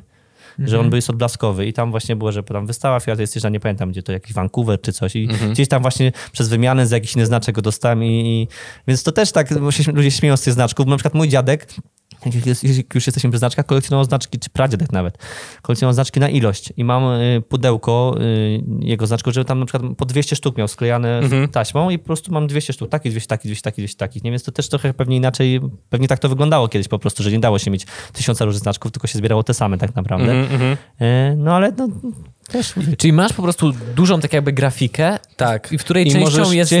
znaczek, Masz tak. perforowany, nie wiedziałem. perforowany masz ten żeby pergamin, wyrwać żeby wyrwać sobie Nice. normalnie. No, no, no. Może w tych znaczkach masz więcej jak w butach. I normalnie Nie możesz... wiadomo. E, Wątpię, aczkolwiek też tak o tym myślałem kiedyś, że a może za 50 lat to będzie coś warte, nie? Bo tego też nie wiesz, jak to może gdzieś tam, może jakiś jeden jest jakimś mm, e, po prostu super rzadkim wydaniem. e, Ten podejrzewam, ten z motylem jest, bo to ma on z 93 roku ta wystawa, no to, to ma około 30 lat, być może jest coś warte na przykład już, nie? Tak samo jak z monetami masz te monety, które są jakoś tam specjalnie bite, tak samo dla tych ludzi są specjalnie robione jakieś tam różne zestaw z Korei, Japonii, z Mistrzostw Świata w piłce nożnej na przykład mam, czy tam z jakichś tam e, innego euro, mam też z jakichś lat 80., z jakichś też mundiali różnych, bo to tego było bardzo dużo i, i się przewijało tak naprawdę, więc to Ja pamiętam, tata mi kiedyś w dzieciństwie sprzedał taką zabawę. Nie wiem, ja byłem, może byłem specjalnym dzieckiem, nie wiem, może tak to nazwijmy. E, Wyrosłeś z tego, Janek. Wy, może wyrosłem. E, Kapsle i na, kla, na kap, jak masz wnętrze kapsla, Mhm. e, wycinałeś kółeczko, nazywałeś, kolorowałeś na flagę danego kraju piłkarzyki. piłkarzyki na A, no kapsle. tak, to jest strzelane Tak. piłkarzyki. Tak, i Okej. kolekcjonował kapsle. jakby mój tata. Mhm. Ale to No. też chyba dosyć e, Ale jakieś tam... ró- różnych w sensie... Różnych marek, nie wiem, A piwo widziałem, ska- tak, kanadyjskie, często. wiesz, takie rzeczy. Mhm. No też wiecie, to jakby y, ja jestem y, y, y, s- prawie, prawie ukończonym studentem grafiki, bo została mi praca, której jeszcze nie obroniłem. E, Zresztą studia moje to też jest oddzielna historia, bo tego było dużo. Gdzie? E, wiesz co, ja skończyłem grafikę na Wicie, to jest e, wyższa szkoła zarządzania i technik informatycznych, bodajże to jest takie rozwinięcie, Mhm. natomiast generalnie mają grafikę i ja tam trafiłem po mojej tułaczce po prawie na UW i politologii na UW, więc znalazłem w końcu jakąś swoją niszę, która mi odpowiadała, jeśli chodzi o studia. Natomiast jakby mam ten taki jakiś tam powiedzmy wrażliwą duszę graficzną, chociaż trochę pewnie i kapsel to też jest coś, na czym można zrobić cuda tak naprawdę, nie? Więc ja uważam, że design, design jest we wszystkim, e, co nas otacza, przez kubki po stół i, i, i mikrofon, nie? I kapsle też były czymś, co wydaje mi się, że to jest akurat dosyć popularna e, jakaś tam zajawka kolekcjonerska w ostatnich, e, czy tam w tych naszych pokoleniach naszych rodziców, więc e, myślę, że nie ma w tym totalnie nic dziwnego. Jestem, z- tak, z tych, jestem z tych ludzi, którzy uważają, że e, wszystko może być fajne, ładne i, i dobrze zrobione, albo źle zrobione, nie? Tak naprawdę, więc Mm. więc tutaj, tutaj jakoś tak to. A może to przez to kolekcjonowanie moje tak mi się udzieliło, że, że, że tak trochę myślę No tak właśnie w ten sposób. szukałem, szukałem czegoś nietypowego i w sumie Mhm. te, te kapsle mi tak zapadły w pamięć najbardziej. U ciebie, Krzysztofie? Coś było? Nie. Nie? Ja mam antysentymentalną Mhm. rodzinę, która nie zbiera książki. U nas się czasem tam zaczynają gromadzić. Pali się u was, tak? I książek się nie wyrzuca. To jest zasada numer jeden. To u mnie to samo. Tym bardziej, że rodzice mają wydawnictwa książkowe, więc już w ogóle ja mam. Mm. No fajnie. książkowo jestem tak przepełniony w, bardzo od zawsze. No tak jak się kłócisz, to mówisz, ja mam buty, wy macie książki i koniec. Tak, nie? no, staram się w ten sposób. Jakby, jakby, jakby patrzę na ilość tego, ile książek kupują, to pewnie jestem daleko w cele, jeżeli chodzi o buty, więc tak. Yy, Krzysztofie, pytanie masz? Bo ja, Przechodzimy do głowy. yy, bo ja mam pytanie. Mhm. A propos, już mówiłeś o pierwszych butach. Yy, czyli, czyli to były Air Maxy? Tak, 90 tak jest. 90 Mhm, takie świadome. Tak. E, mnie najbardziej ciekawi w sumie pierwsza polska marka, która ci przypadła, albo pier- dobra, pierwszy kontrakt, kontakt taki oprócz Air Maxów. Byłeś świadom, że coś jest takiego, nazwijmy, że to jest ze streetwearu, to Mhm. jest z tego. Mhm. Kojarzysz? Coś taki pierwszy kontakt? jakiś taki pierwszy boom na jakąś polską, polską markę, jak byłem, No. wiesz co, Mi się wydaje, że prosto ja miałem to chyba coś takiego miałem można prosto, nazwać. miałem z prosto i pamiętam jak się czaiłem w City Shopie na e, przy Politechnice mieli sklep, w którym było prosto i mm, tam w tych podziemiach. I E, tak, tak. Rondo jazdy polskiej. Nie, to nie było rondo jazdy polskiej. tam, gdzie jest ten, e, ja jest, jest, jest słaby, metrze jeśli chodzi- Politechnika. jest, jest, jestem słaby przy, Przy metrze ulicach, przy metrze Politechnika. Politechnika. Tak, okej. Przy Mhm. barze, jak się nazywa to? Oj, Się idzie Tak, w czwartki tak, na tak. darmowe piwo. I generalnie e, tam, tak, tam się czaiłem do pierwszych... Pierwszą, remont już chyba nie ma. Pierwszą bluzę tam prosto swoją kupiłem. Zresztą mam tę bluzę prosto, trzymam je z sentymentu. E, A propos w ogóle prosto się do mnie się... Znaczy mam, dostałem dzisiaj jakąś ofertę współpracy właśnie e, tam nie będę zdradzał szczegółów, ale coś tam jest jakby na rzeczy i już zresztą prosto się do mnie kiedyś kontaktowało, natomiast Wojtek dzwoni. Sorry, z mojego Samsunga właśnie. zadzwonił, to bym, wiesz, to i tak pewnie y, zareagował, natomiast Natomiast tak, tam na, na, na, w City Shopie kupowałem właśnie jakieś pierwsze bluzy. Były nawet za mnie za wielkie, ale ja byłem, byłem tak zestresowany tym wszystkim, że szybko, żeby tylko wyjść, kupić i, i wejść, wyjść i kupić, wiesz, kupić i wyjść i w ogóle jakoś tak, nie wiem, strasznie mnie to stresowało wszystko. Tam też kupiłem w sklepie jeszcze przed tymi Air Maxami takie buty, które nie wiem, jakie swoje pierwsze pieniądze, chyba New Balance 373, takie niebiesko-czerwone, które były takim pierwszym moim zetknięciem w ogóle, no bo te 90 też były takie na maksa świadomy zakup. Ja nie Mhm, czekałem, je sobie upatrzyłem i tak dalej, natomiast te New Balance wtedy wcześniej kupiłem. E, Prosto było takim na pewno. e, e, Miałem taką na zajawkę. Ten Hazel był bardzo, na ten Hazel na początku Mhm. też bardzo miałem, pamiętam, że fazę. I jest też taka marka polska, Turbo która... Color. Turbo Color również, tak. Turbo Coloru jakąś bluzę na jakichś targach, pamiętam, kupiłem swoją pierwszą. Natomiast był też taka marka, którą ja bardzo dobrze kojarzyłem, Fameless się nazywała. E, Fameless. Fameless, W tak. ogóle nie kojarzę. I, bo to było bardzo małe, generalnie nie, nie, chyba gdzieś tam ten ich profil istnieje. Oni jakieś tam poszli takie klimaty mocno snowboardowo, jakieś surfingowe powiedzmy, nie wiem czy cały czas działają. Zresztą, natomiast e, mieli taką bluzę, którą gdzieś mam cały czas chyba, a może nie, oddałem już komuś, e, gdzieś tam w rodzinę poszła, e, z takim wielkim napisem Fameless, niebieskim, trochę jak box logo, tylko dużo, dużo większy, to był taki bardzo duży napis. Mieli kieszonkę z tyłu na plecach taką fajną schowaną, bardzo, bardzo fajna rzecz i, i bardzo się tym jarałem. I to, na to pamiętam, że na tych forumkach wszystkich polskich był boom, ale to było ile lat temu? No pewnie jakieś czasy liceum, no, czyli, czyli to, to, to już... Ja pamiętam e, ten undergroundowy rap e, polski i było Hemp Gru i oni mieli swoje, swój sklep Wilgang, na Dąbrowskiego. Właśnie, Mhm. właśnie. Wilgangu też miałem ciuchy. Ja miałem tak, palto było na przykład, takie ciuchy palto. Tak, no, tak, tak, Było tak. tych ciuchów dużo takich, e, Mass Denim na przykład, wiesz, jakby to takie, to wszystko się z tej takiej jakiejś tam raperskiej e, subkultury... No chyba się od tego zaczęło wszystkiego. Właśnie byłem tak, bardzo ciekaw, Myślę, tak. jak to wygląda polska scena streetwearowa i w ogóle y, w sumie tego, tego nie sprawdziłem, bo nie mogłem tego znaleźć, ale wydaje mi się, czy, czy to prawda, że będziesz brał udział w pierwszym polskim dokumencie o streetwearze? Czy, Tak, Znaczy, to jest doku, dok, y, nie, nie wiem, czy to można nazwać dokumentem o streetwearze, e, bardziej pewnie o butach y, samych w sobie, natomiast powiedzmy, że to się jakoś podpina. Tak, y, dostałem zaproszenie e, chyba jeszcze w zeszłym roku to żeśmy kręcili e, będzie, będzie taki film, miał być chyba wypuszczony już jakoś w marcu czy w kwietniu, ale wiem, że przez tą pandemię to się wszystko przesunęło. Mhm. Mm, przyjechali do mnie chłopaki na, chyba z 7 godzin, może nie 7, ale z 5 godzin żeśmy siedzieli i rozmawiali, więc tego materiału mieli dużo bardzo, natomiast tam jest tylu rozmówców, że podejrzewam, że tam będzie moich zdań może 10 na krzyż pewnie. E, Natomiast jest plan, żeby to w ogóle w multikinie było gdzieś tam puszczone chyba jednym w Polsce albo dwóch jakichś, ale gdzieś tam się dogadali z tego co wiem i będzie pewnie dodatkowo dostępne w internecie darmowo.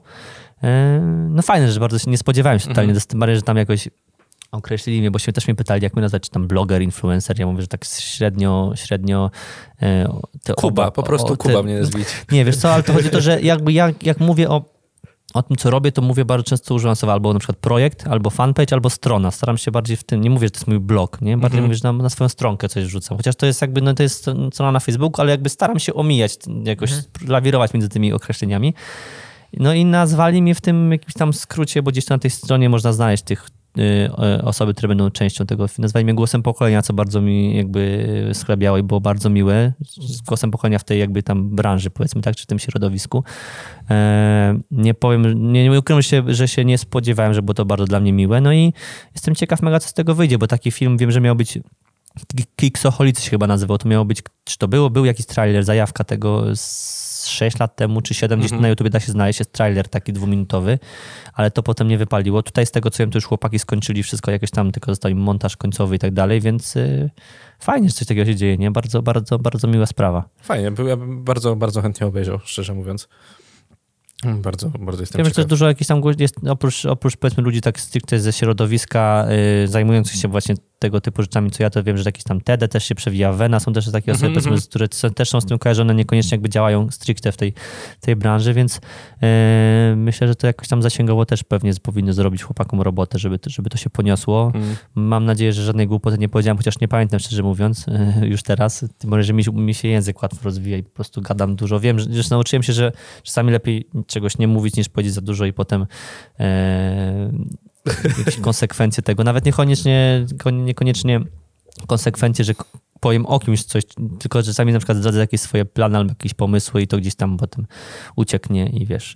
I, Mhm, więc nie wiem, nie pamiętam co tam powiedziałem, mam nadzieję, że, że, że wyszło w porządku. Z tego co mi pisali to wyszło super, więc y, dostałem jakiś tam trailer. Że- Żeby to nie było jak na rozmowie o pracę. E, Dobrze panu poszło, na pewno za- zadzwonimy. Dosta, dostałem jakiś trailer, taki gdzieś tam jest jakaś zajawka 15-sekundowa, gdzie tam jest jakieś tam przebitki na jakieś nasze ujęcia, które kręciliśmy na zewnątrz i wygląda to fajnie, więc Mhm, mhm. Najchętniej zobaczę. E, Krzysztofie? Ja mam pytanie mhm. o konwersy. Wczoraj oglądałem ten program kompleksu, że ktoś tam coś tam go shopping, sneaker Mhm. shopping, Showing with complex. Mhm. No, no, no. z Jojim i z Billie Eilish. Tak. Nie podoba mi się program. Nie wiem, nie- jest za mało tam pytań. Znaczy- I Billie Eilish wzięła konwersy i powiedziała, że to jest small dick energy. I że jej się te buty nie podobają. Co myślicie Ale o jakieś konwersach? konkretne Nie, ale konwersy. po prostu czy- powiedziała, że są za małe, ona lubi duże buty i że to, jest small dick to wiesz, mówi tak jak trochę teraz moda na buty wygląda, czyli właśnie to, Czy masz jest z duże. kimś kontrakt czasem teraz? No podpisany, ponieważ no, celebryci z piosenkarze mają W sensie, podpisane kontrakty. pytasz się tak? o kontrakt z marką daną? Z- no, no, nie, no. nie, nie, nie, nie, nie. Nie. Ja nie, wszystkie współprace, które załatwiam, jakby nie są, że, że nigdy nie były żadną ekskluzywnością. Ja nigdy też Mhm. na to, nie, nawet nie miałem takiej propozycji specjalnie, a raczej bym się na to nie zgodził, podejrzewam. Ale Billie chyba, Eilish, żeby, Billie chyba, żeby to nie było ma? Nike, to bym na Nike Nie, ona się nie ma. Ale Nie ona wiem. podobno jakiś projekt w, w sensie z Nike'em robi. Aha. To nawet nie wiem, szczerze mówiąc. Natomiast Bo ona e, mówiła, że zawsze chciała mieć takie buty, jak są streetwearowe dla kobiet. I nie, zawsze powiada męskie, przynajmniej w tym na, wywiadzie. na pewno jest na tyle, na tyle dużym nazwiskiem, że bez problemu może coś takiego mieć. Mm. Nie? Jakby, e, myślę, że dla każdego, dla większości aspirujących ludzi w tym środowisku Nike jest tym takim szczytem góry nie? i tym takim świętym gralem. Mm. E, natomiast no, odnośnie tego, że małe buty nie, no w ogóle to jest jakiś tam absurd, no bo Converse to jest jeden z najbardziej kultowych modeli i no, jakby trampki to są Converse, Pierwsze, tak? Pierwsze buty koszykarskie. To, dokładnie, bo to- ktoś mówi trampki i widzisz konwersy rzeczami, nie? Jakby No. to, jest, to już jest tak, tak jeden do jednego, że, że e, nawet jak mówisz Adidasy, Mm. to niekoniecznie masz przed oczami buty Adidasa, a mówisz trampki, masz przed oczami zawsze konwersy, nie? Bo to jest ten jeden Chuck Taylor Mhm. i jakby to się kojarzy tylko z Mm. tym. No więc to e, no, pewnie mówię jakoś tam w zgodzie w, z tym, co, co aktualnie się dzieje w tym, na tym rynku, czyli właśnie to takie naj, jak najbardziej udziwnianie butów i, i to, to, że one są coraz większe, coraz bardziej masywne, coraz cięższe. No, ona na pewno by file disruptory wzięła chętnie. naj- Pewnie tak, najchętniej. najpopularniejsze buty. Ogromne. Nie, chyba nie. Ona jakieś miała tam jakieś takie mega dziwne buty No, swoje triple, ulubione. ale nie wiem, czy ona z Triple S-ach nie śmigała Balenciaga, no bo to właśnie wielkie Mm. na trzech Mhm. podeszwach, nie? Yy, bardzo specyficzne są te buty, chociaż ja wam powiem, że to jest takie moje zboczenie już zawodowe, powiedzmy, że yy, ja coraz bardziej szukam coraz dziwniejszych rzeczy, naprawdę takich, które są... I to nie dlatego, że się A z wyróżniać. porno, to dokładnie to samo. Się. Nie, No, to dobrze mnie znasz, nie, nie jest tak, że wiecie, że e, robię to z potrzeby wyróżniania się na przykład. Natomiast oczywiście, że w w tej jakby subkulturze fajnie jest mieć coś, czego nie mają inni. Jakby, jakby tutaj to jest jakby ta taka pogoń, ten wyścig też, też jest częścią tej gry i to tak e, bez tego myślę, że jakby to nie było wszystko limitowane, to to by w ogóle totalnie straciło swój urok. Natomiast e, tak, mam coś takiego, że coraz bardziej szukam dziwnych rzeczy i jakoś te dziwne rzeczy. Dzisiaj do mnie przyszły buty, którymi się w ogóle jeszcze nie zdążyłem pochwalić, bo tych postów dzisiaj tego wszystkiego było tak dużo, że w ogóle nawet nie zacząłem ich jakoś tam pokazać ludziom, ale przyszły do mnie buty, które są były chyba nazwane najgorszym butem 2018 roku, mi się wydaje, i dopiero po czasie jakoś to wróciło y, do jakiś tam, stało się modne, powiedzmy, czy jakoś ludzie do nich dojrzeli, powiedzmy. Podejrzewam, że obu z was by się te buty nie spodobały.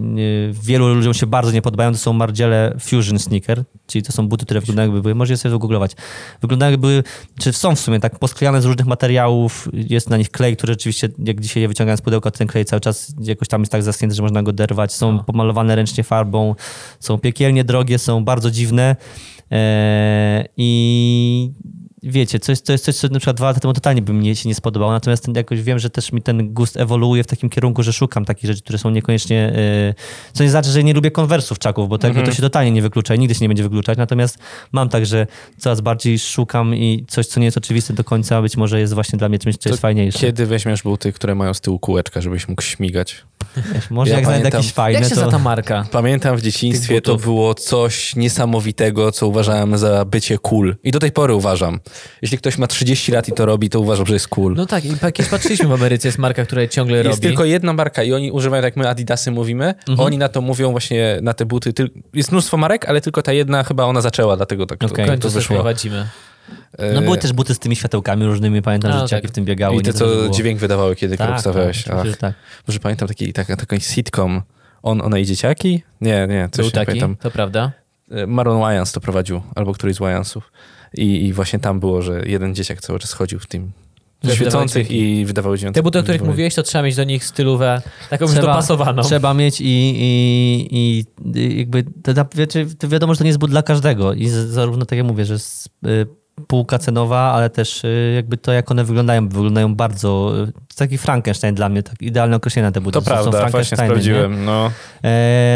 Y, Natomiast, no tak jak mówię, to wydaje mi się, że to jest przez to, że ja mam taki przesyt, z jednej strony przez z drugiej strony nie jest tak, że ja tak jak mówię, no cały czas doceniam fajne konwersje, doceniam fajne Air Max 1 i jakby nie mam tego dość, ale jednak jest przesyt tej ilości takiej i człowiek zaczyna coraz bardziej szukać rzeczy, które są nietypowe. Często to bywa tak, że to są rzeczy, które są po prostu y, z tych jakichś różnych high-endowych marek, bo te marki raz, że się nie boją eksperymentować zazwyczaj, bo wiedzą, że mogą ten trend na przykład może za dwa lata dopiero w, powiedzmy tak naprawdę wejść, wejść na rynek i jakoś tam nie boją się takich, takiego ryzyka podejmować, a dwa, że myślę, że e, jest też tak, że ta świadomość konsumencka jest też trochę na innym poziomie. Nie? To jest ten jak też but, który jest dużo droższy i, i być może jakby te buty kosztowały 300 zł na przykład, to pomimo tego, jak są odjechane, to może byłoby ich trochę więcej na ulicach, nie? A dzięki temu, że taka półka cenowa, że ją- jest dla wie- wielu ludzi ciężko ją przebić i, i jakby ja się totalnie, to nie jest tak, że ja się tym szczycę i zawsze bardzo nie lubię rozmowy o pieniądzach, jeżeli chodzi o ten, y, ten aspekt, bo zdaję sobie sprawę, że to jest głupota w pewien sposób, nie? Jakby nie, nie y, ten taki dziki konsumpcjonizm, którego jestem y, pewnie żywym przykładem i mógłbym tam iść na czele tych konsumpcjonizmów wszystkich, no to jednak jakby też się gryzie jakoś z moim, y, y, z moją jakimś tam wizją na świat i wiecie, tym jak, jak, jak y, wiem, że to nie jest dobre.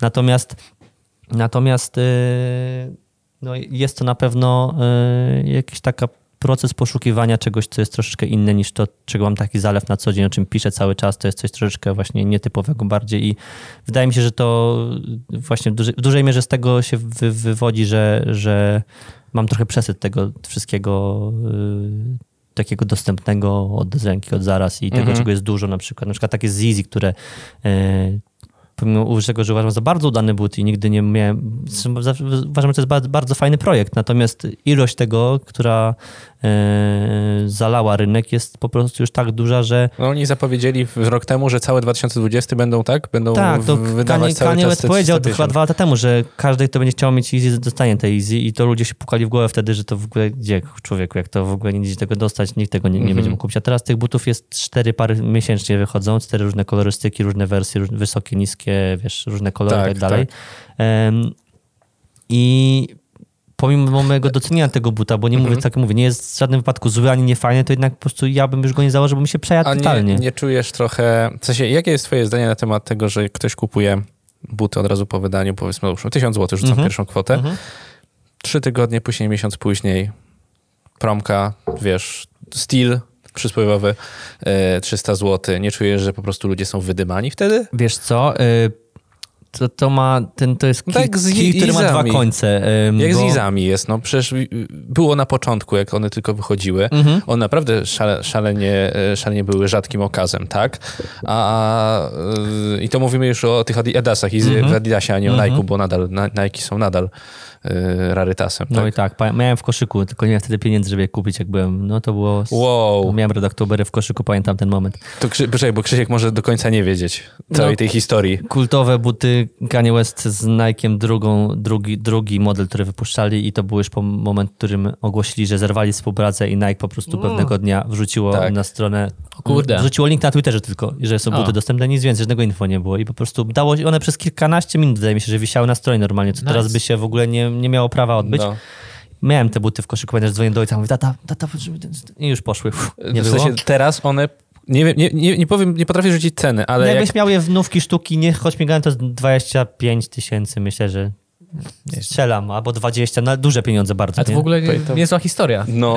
No. I pamiętam PJ Tucker, jeden z koszykarzy Houston Rockets, który jest uznawany za największego Buciarza, tak buciarza w całej lidze, miał właśnie tą limitowaną fi- fioletową. Fioletową, on ma sample tylko. ta- No to, to są, to, I mówił Hazel, jak kupił gdzieś. Na, w Tak, tam, mówił, nie że wiem, kolega, po, po, po ktoś a, jakieś znajomy tam znajomych. Wiesz, chore nie? pieniądze, nie? nie. I jak cenę przedstawi, nie powiem ci teraz ile, ale jak obejrzysz, To jakieś setki tysięcy dolarów, nie? To już jakby, jakby mówimy o takich liczbach, to nie jest tak, że... autentycznie. O kurde. No, No. no. I najlepsze, on mówi o tym, że podoba mi się to, to jak y, mówi, mówił, mówił Kuba, że on kolekcjonuje, tak? Że sam moment ten, ten kupna. On nie. On każdy but musi założyć na boisko No, i tak, w każdym tak, gra. Tak, tak. Nieważne ile za niego dał, Nieźle, nieważne ile on jest warty na Mhm. rynku, wiesz. No więc to jest No wiesz, też mówię mega tutaj o gościu, który pewnie kontrakty, jakie ma w NBA, to pewnie sobie Tak, tych butów milionowe. może mógłby No sobie tak, no, Natomiast to oczywiście trzeba- to jakby są... są Wiesz, to, że on je założył, to może jeszcze podbić cenę. On nie jest gościem, który Nie, musi... nie. to raczej, raczej tak nie nie, tak, raczej nie, nie działa, ale nie wiesz, tak. ale jest o nim głośno w mediach, bo te wszystkie Instagramy go potem y, ripostują, że w, w PJ Tucker wyszedł tam w jakiś Easy stary, Zdjęcia z boiska, jak w ogóle z Travisem Scottem On ma przy, taki, wiesz, przy taki ma luz, taki ma feeling, że on z tym śmiga. Butów nie? za ileś tam set tysięcy im podbija, ale pewnie takie, co są normalnie warte 5 tysięcy dolarów, to jeszcze może być... Jakby jakiś podpisał na przykład, to czemu nie? No, natomiast y, o, myślę, że jakby on, to, on no, no, no, wariat, no mocny wariat, jeśli o to chodzi, to naprawdę to jest taki, wiesz, chyba topka w ogóle, jeśli chodzi o tego typu No. ludzi. E, Warto no, obejrzeć więc- sobie Sneaker Shopping. Jeśli mówisz o tym programie, że jest taki beznadziejny, bo z celebrytami nie warto oglądać. Albo oni po prostu nic nie prostu mówią, biorą wybrałeś- jakieś buty. Tak. Podobało mi się z Jojim akurat. Bo on wybrał jakieś sobie trzy pary butów i podchodzi do tej kasy i gość mówi tam, a wziąłeś te i te i te, to będzie 2000 dolarów. A Joji, który jak stoi za spadem, takie wielkie oczy, takie Okej. No, tam są niektórzy, którzy w ogóle bez problemu, niektórzy, którzy tam się dziwią. No jest On dużo. zrobił wielkie oczy, No. takie przestraszone. Jest dużo. To mówię, trafiłeś na zły, na, zły, na zły odcinek. Lepiej sobie, żebyś zobaczył z kimś, z kimś innym. Mogę ci polecić jeden. Na przykład z PJ Tuckerem naprawdę warto zobaczyć. Tak jest, To jest akurat fajne.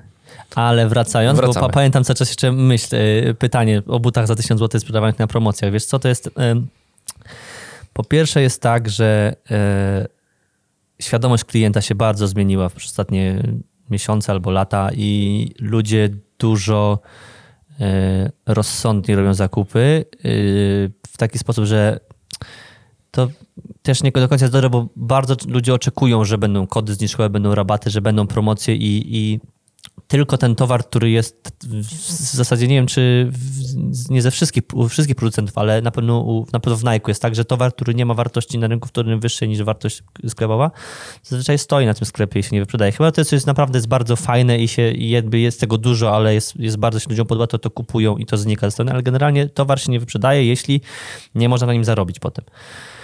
Więc, y, więc ludzie no, zauważyli, że skoro się nie wyprzedaje coś, co jeżeli nie mogę na tym zarobić będzie wisiało, no to mogę to kupić taniej niż za tą cenę rynkową. Więc teraz ludzie dużo bardziej do tego świadomie podchodzą i kombinują, szukają tych zniżek z newslettera, czy jakieś tam ogarniają jakieś tam, wiesz, różne, różnego rodzaju kody rabatowe.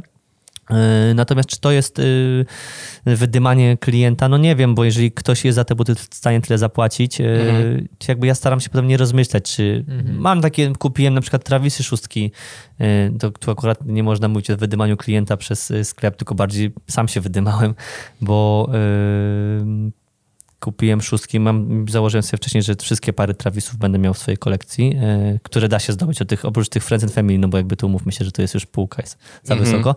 E, mm, zapłaciłem za nie 4200 chyba, za te buty, które detalicznie tam koło, nie wiem, koło tysiaka kosztowały załóżmy.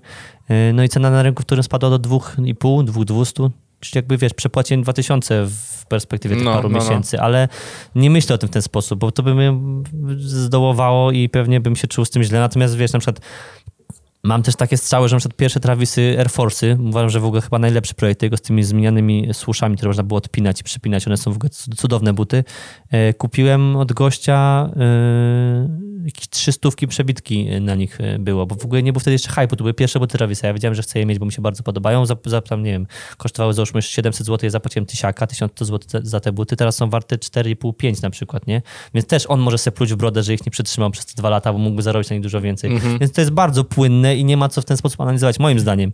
Tym bardziej, że jakby ja nie traktuję tego pierwszorzędnie jako biznesu, że, że patrzę, jak te słupki się zmieniają, tylko bardziej kupuję coś z, z potrzeby, żeby to właśnie mieć w swojej kolekcji, a nie dlatego, że tam będzie więcej lub mniej warte. Chociaż oczywiście, tak jak mówię, to też ma jakieś znaczenie z tyłu głowy. Eee, no ale przypadku samych cen, cen detalicznych nie wiem, czy, to, czy, czy ja bym to tak nazwał, no bo to, tak jak mówię, no jeżeli klient jest Ale- w stanie tyle za- zapłacić, to wiesz, no naj, znaczy najgorzej jest, jeżeli marka robi coś tak, jak zrobił Adidas z zebrami Easy, które wypuścił w bardzo Właśnie, limitowanym o to, o stoku. to mi chodzi. Ja miałem kolegę, który te buty kupił, y, miał fart na Adidasie, dostał za nie ofertę chyba 5000 zł wtedy, one były warte strasznie dużo pieniędzy. I ja mówię mu, nie, nie, mówię, Karol, poczekaj, to wiesz, po co będziesz to sprzedał teraz, to jeszcze będzie więcej warte, nie, nie sprzedawaj tego. No na szczęście się nie posłuchał i sprzedał te buty, bo tam, nie wiem, potrzebował kasy czy coś, sprzedał. Po czym dwa miesiące później wyjeżdża restock tych butów i nagle, nagle z 5000 są warte 2000 na przykład, więc tam 1500 i nagle jest z ząkiem, mówię, matko boska, dobrze, żeś mnie nie posłuchał, bo po prostu byś nie, by, by, by, by, by, był nieźle wkurzony, ale co jest lepsze, mam znajomego, który kupił te buty, jak one były warte 5, za te 5000, bo chciał je dla siebie tak bardzo. Po czym one spadły, to mówię sobie, jak on musi się czuć, jeszcze się gorzej musi czuć, nie? Bo No to jest człowiek, tak. który wydał te 5000 wtedy i nagle się okazuje, że te buty są warte trzy razy mniej po tam paru miesiącach i nawet jeżeli by chciał z nich coś odzyskać z używanych butów, to już dostanie, nie wiem, załóżmy tysiaka na przykład, nie? To jest jedną, jedną Ale piątą ceny. mówi, że to jest przykład takiego, no może za dużo I powiem. to, I to jest, nie, to jest akurat tak, to, to z tym się zgodzę, że to jest, i akurat w tym jest najlepszy Adidas, bo Adidas jest bardzo nieobliczalny, jeśli o to chodzi. Nike zazwyczaj, nie spodziewam się, że Chicago Off-White'y, które mam u siebie w, kiedykolwiek wrócą. Jeżeli wrócą, to może wrócą w jakimś, nie wiem, losowaniu, yy, bo Na tam dzień- będzie na dzień Hall of na Fame, Jordana i będzie 10 tak. sztuk na przykład, ale oni tego nie wznowią w, w danej linii produkcyjnej, ten but nie wróci. Mhm. Może mają jakiś były ostatnio sklep w Mediolanie, tam świętował, nie wiem, 20-lecie czy 30-lecie. Mhm. Były, trzeba było przyjść, rzucić hat rzuty za trzy, można było wtedy wybrać jedną tam z iluś tam par, które mieli gdzieś tam. No musieli, nie wiem, albo mieć je w magazynie trzymać przez kilka lat te buty, albo dostali od Nike'a gdzieś tam jakoś, jakieś koneksje zadziałały. Mieli buty, wiesz, z ostatniej chyba dekady y, Jordany różnej. Były tam, no, Jordany fragmenty, które są warte z 20 tysięcy na przykład, buty nie do dostania praktycznie w ogóle w, w, w, jako nówki na rynku wtórnym. Więc gdzieś tam te zasoby są, ale nie wierzę w to, że one wrócą na linię produkcyjną. A no, Adidas robi tak, jak robi, czyli po prostu nagle robi. Okej, to robimy. I Zebry mają wrócić w tym roku po raz kolejny, podobno tylko w Azji, jest plotka najnowsza, że będą tylko w Azji, ale chyba już szósty raz wrócą do sprzedaży, nie? Więc mądrzy ludzie, którzy się tym zajmują e, jako biznesowo ku- kupnem i sprzedażą, których znam parę, mówią, że Adidas jest po prostu najgorszą opcją tej inwestycji, bo nigdy nie wiadomo, co oni wymyślą. Nike taki nie jest i w, jakby, ja uważam, że to jest fair traktowanie jednak, bo w- Nike bardzo dobrze wie, e, na czym zarabia pieniądze i wie, że to, co robi, to nie jest dla nich najważniejsze, w sensie te wszystkie limitowane premiery. Ja miałem przyjemność na SGH wystawić taki, swój, to gdzieś znalezienie jest na YouTubie, bo to wrzucałem, e, wykład, nazwijmy to wykład, e, na panelu alter, alternatywnych inwestycji i nawet gdzie do niego przygotowałem dwa lata temu, to zrobiłem sobie mały research i na przykład Nike najwięcej butu, pieniędzy zarabia na butach, które nazywają Nike Tanjun. To jest but, którego ja wtedy nie znałem. Teraz już go poznałem trochę, bo jak napisałem o nim post, że to jest but nieznany jakoś parę miesięcy temu, to dostałem zalane komentarzami, że wszystkie gimnazja w tym chodzą i licea, tylko nie w Warszawie niekoniecznie, ale w mniejszych miastach, bo to jest but, który kosztuje, nie wiem, 180 zł detalicznie. Tanty, any i uny. Zwykłe Nike, wiesz, ze słuszem, z najprostszy możliwy oddychający but y, dla kogoś, kto chce mieć buty Nike po prostu, nie? Dla dzieciaków pewnie, dla wielu osób, które, nie wiem, chodzą czy na siłownię, czy na e, najzwyklejsze Nike po prostu, nie? I jakby liczby, jakie robi Nike na tym bucie, y, na samym tylko tym modelu, który podobno w Stanach jest jakiś tam turbo popularny i robi, nie wiem, jakieś tam setki milionów, to, to, to cała, ta cała linia Nike'a, tych limitowanych produktów, to w ogóle nawet nie jest, wiesz, promil tego, co nie robią, więc, więc Nike wie, dla kogo robi te, tak uważam, że wie, dla kogo robi te wszystkie rzeczy. Wie, robi to dla tych zajawkowiczów, którzy którzy pompują tą taką, wiesz, yy, ten hype w social mediach i jakby ten taki, tą gloryfikację tej marki. Więc nie wiesz, że taki policzek od Nike. Adidas to trochę chyba inaczej Nike traktuje. Puch, puch, puch, będziemy pchać, Ja się z- pieniądze. i... zgodzę z Nike'em, bo pamiętam jak y, moją pierwszą parę do kosza, jaką kupiłem y, i no ja zacząłem interesować się koszykówką oglądając Kobiego Bryanta i Mhm. bardzo chciałem mieć jego sygno, buty sygnowane jego nazwiskiem i wtedy chyba były szóstki albo Mhm. piątki. I piątki. No teraz w ogóle nie można ich dostać, to, to w ogóle Tak. tylko można wylosować. E, najlepsze jest to, że cena ich, jak była, nie wiem, tam były chyba rozmiar 50 był możliwy, to Mhm. ta cena w ogóle nie zmniejszała się. Nic a nic. Nawet jeśli było, trzymają cenę przez cały czas. Nieważne, czy są na przykład Lebrony, które są cztery wersje, te, cztery wersje temu, tak? Wiesz, Nike też jest to tyle charakterystyczne, że oni robią reedycję, ale to pierwsze jest reedycja, która jest, y, co jest ważne dla kolekcjonerów, z nowym kodem, y, z nowym indeksem. To nie jest ten sam but, dokładnie. Jakby nie możesz postawić buta Jordana z, nie wiem, z 2005 i 2015 roku obok siebie i to nie będzie ten sam but. Raz, że chodzi o wykonanie, dwa właśnie, że to jest ten indeks inny, więc po tym można poznać, czy to jest but z tego czy z tego roku. A trzy, że to się tyczy głównie, y, tak na szybko myśląc, y, głównie to się tyczy wydań niekolaboracyjnych, tak? Jeżeli to jest słowo, które y, chyba pierwszy raz dzisiaj padło w ogóle, a jest bardzo dziwnie kojarzone w, w, przez ludzi, którzy nie śledzą tego rynku, czyli nie w modelach, które były tworzone przez, we, współpracy z marką albo z danym jakimś artystą. Y, I takie rzeczy wracają, nie wiem, na przykład Jo- Jordany piątki Fire Ready, które wróciły teraz, było ich tam, nie wiem, załóżmy sześć różnych wersji przez te 20 czy 30 lat, nie wiem, Jordany, jedynki Bredy. Każde tak są inne. Każde są trochę inne, ale jakby to jest jakaś to jest kolorystyka stworzona przez Nike, jakby będąca jakimś tam tym, tą linią, która przez ileś tam lat istnieje. A na przykład nie wiem, czy no, mówię na przykład taki był tak jak, nie wiem, Jordany z Travisem Scottem uważam, że nie wrócą w tej formie nigdy w życiu, bo jakby to byłby strzał w stopę dla Nike'a i byłoby to ba- bardzo by się źle odbiło. Czy na przykład Jordany fragmenty, czy no, Jasne. tego typu wydania, nie? Unikatowy model A nie Adidas trochę powtarzać. chyba te Easy traktuje w inny sposób, y, jako maszynkę do zarabiania pieniędzy, bo to się nie da ukryć, że to tak działa.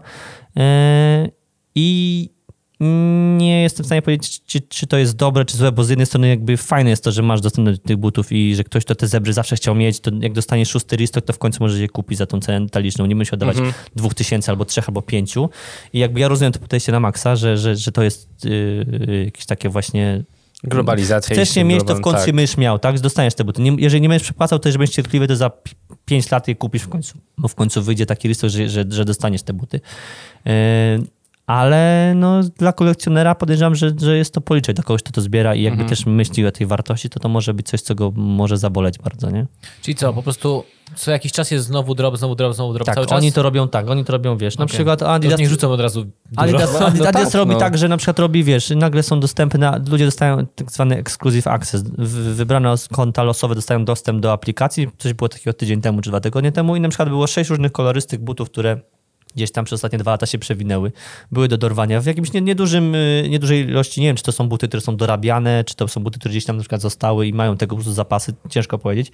Natomiast e, no buty, które się wydawało, że jak się już kiedyś tam wyprzedały, to teorii nie powinny wracać. One wracają cały czas i Adidas cały czas je, je, na nich robi pieniądze, więc to Jak z maszyny, no nie oszukujmy się. No, No tak. Trochę tak. mówiąc, z produkcyjnie schodzi no. i wiesz, i, i, i wiesz, i, i, i tylko, że to jest taki minus, że też ludzie dostają losowo dostęp, więc trochę też i tak niby ktoś y, chciał je mieć zawsze, ale być może i tak nie będzie miał możliwości ich kupić, bo kupi je ktoś inny, to nie będzie chciał tą stówkę czy dwie zarobić i to się robi trochę tak jak pętla się zamyka, więc to y, ciężko powiedzieć, czy to jest dobre, ale jakby rozumiem zamysł, jaki za tym Mhm. stoi.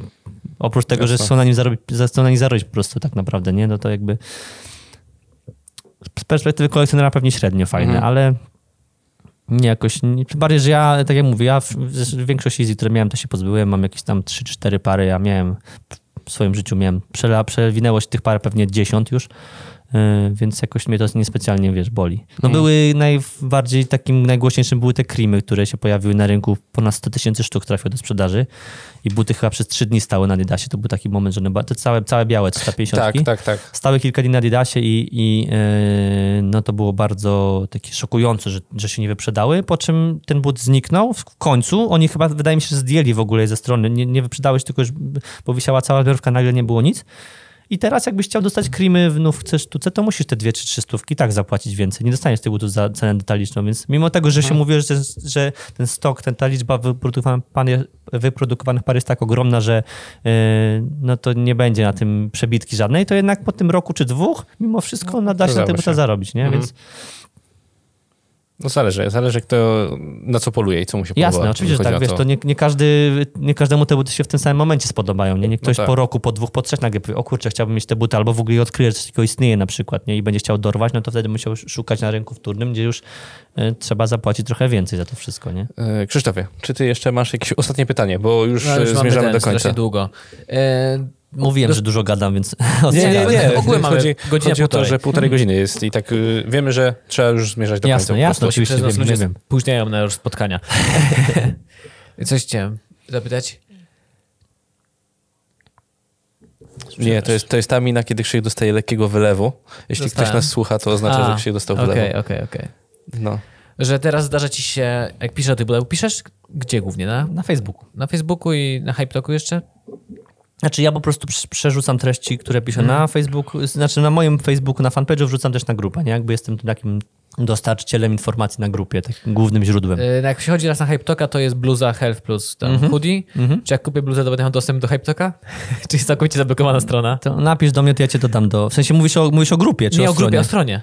Stro... Aha, no to na stronie nie, nie, bo na, jakby strona sama w sobie nie jest, nie, nie, na, czy na niej, y, chociaż tam chłopaki jakieś treści robili, jakieś były teksty, ale generalnie raczej strona jest y, głównie jako sklep służy, który Okej, tam dobra. jest jakby Bo ja myślałem, że bardziej tam też grupa. są artykuły. Są, ale są artykuły, Okej. ale wiem, że to chłopaki chyba chcieli pociągnąć i jakoś tak niespecjalnie wyszło. Ja tam nigdy nic nie napisałem, tam tych artykułów było parę, więc raczej to nie jest jakiś taki, wiesz, y, główny projekt dla nich. Bardziej to jest tak, jak mówię, Nie coś, zastanawiam coś się, bo tam wchodzę, jest bluza i tak, tak jestem za głupi, żeby się tam dostać. Nie, tam, tam aktualnie z tego co wiem jest tylko bluza, więc tam nic więcej, nic więcej nie znajdziesz aktualnie, jeżeli, jeżeli o to pytasz, to chyba tylko bluza na, na chwilę obecną tam. Widnieje. dostajesz teraz buty czasem przed premierą, tak? Tak. To musi być zajebiste uczucie w końcu, co? Fajne, fajne yy, i yy, yy, najfajniejsze w tym wszystkim jest to, jak się uda dostać do. Yy, może inaczej.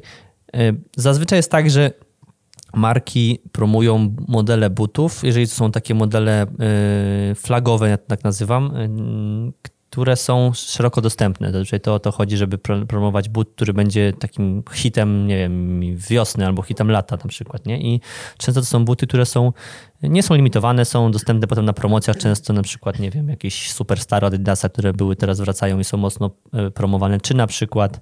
E, Nie balanse te, y, co wyszły. ale co zaraz do tego dojdę, bo yy, czy na przykład yy, były Ozwigo od Adidasa, czy jakieś ultrabusty, tego typu rzeczy. Natomiast najfajniejszym czym jest dostać taki but, który człowiek wie, że jest troszeczkę jednak bardziej yy, yy, pożądany. Ja na przykład dostałem, miałem przyjemność dostać od Nike'a yy, jedenastki Bredy Jordany, które były jednak dosyć takim limitowanym releasem, który się wyprzedał, który szybko zniknął z półek, był czymś, co było pożądane. I to jest najfajniejsze właśnie uczucie, bo jakby nie, nie, nic jakby nie ujmując totalnie, bo, bo każdy, każdy, ta, każda taka współpraca mnie cieszy, to jednak możliwe cena czegoś, co jest przedpremierowe, jest pożądane, jednak jest tym takim, tak jak mówię, zdarza się o tyle rzadko, że raczej marki to, co promują, to promują takie modele, które są dla, dla, dla szerszej, yy, dla szerszego odbiorcy, tak powiedzmy, dla bardziej masowego odbiorcy skierowane, to jakby dostaję dostanie tych właśnie takich butów, które wiem, że są mocno limitowane. To jest dopiero jakby mega fajne uczucie, że wiem, że nie muszę o to walczyć, nie muszę się starać, nie muszę przepłacać, nie muszę kombinować, jak to zdobyć, tylko po prostu mam informację, że dostaję maila, że idzie do mnie paczka, bez żadnej informacji tak naprawdę. Ja nie, nie mam jakiegoś już teraz to jeszcze jest lepsze tak, jest że, uczucie, kiedy nie wiesz, że często co to... nie mam... Jezu, tam jest bomba. Wiecie, mam tak, że często, nie mówię, że za każdym razem, ale często jest tak, że po prostu dostaję tylko maila, że coś idzie do mnie. Nie mam informacji, że muszę zrobić to, to i to, żeby dostać buty, tylko po prostu idzie do mnie paczka. Marka wie, że jakby ja dostanę buty, no to ich nie wyrzucę, ani nie wiem, nie schowam, tylko o nich opowiem, pokażę. No, nawet jeżeli to mają być negatywne jakieś odczucia, chociaż wydaje mi się, że jakoś specjalnie... Yy, raz, że z jakiejś tam wdzięczności, powiedzmy, ty, ty, tak, jak, tak jak mówiłem na początku, że to trochę tak media działają niestety, że, że, że tych negatywnych opinii człowiek stara się nie, nie wrzucać, chociaż zdarzało mi się yy, nieraz, jak mnie coś zdenerwowało. Yy, natomiast tak jak mówię, z tych butów, co dostawałem zazwyczaj byłem zadowolony po prostu. Yy, I Mm, właśnie często tak, że dostaję maila, że idzie do mnie paczka i nie wiem, co to jest. I dopiero jak otworzę i zobaczę, że to jest coś, coś, o kurczę, to ma premiery za trzy dni i jest naprawdę wow. No to mam wtedy takie, że wygrałem Tych życie wtedy, jedenastek, jedenastek e, breadów, no to... No wiesz, i to jest coś. A dostałem, dostałem też, dostałem też jakieś buty, które są powiedzmy mniej jakoś, jakieś tam przykład blazery, które są dostępne na stronie. Też bardzo mm. fajne wydanie. Jednak nie ma tego uczucia takiego, że kurde, no wiem, że o to będą walczyć za chwilę, a ja mogę sobie tydzień przed premierą, oba, oba, wiesz, nigdy nie zakładałem, że to w ogóle mi się przytrafi w życiu. To jest, to jest... Kuba po prostu ma takie dwie kubki, pożądane, niepożądane i jak tylko przychodzą nie, nie tak, ale to i trzeba, tak klepie, trzeba wiesz. trochę selekcjonować w, w, w, w moim przypadku, bo tego jest naprawdę dużo, więc to... Muszę przyznać, że podziwiam twój powiedzmy skromny przekaz. Nie widziałem u ciebie żadnego takiego no, flexu po prostu. Prawda? Nie, nie ma takiego. Prawda? O, siema biedaki, mam tutaj buty, Nie, których wy nie, będziecie tego mieć jest w ogóle. w- Wiesz, Tego dlaczego, wiesz, dlaczego o tym mówimy, tak? Bo, bo wydaje mi się, że od kiedy się zaczął cały ten Boom. boom Mhm. na streetwear, to zalanie filmikami w stylu ile mam na sobie. Tak, paski Gucci na wierzchu, wiem o co chodzi. Wiemy, Nie, kto ubiera ten najdroższe. Tak, tak, Fity. tak, tak, wiadomo.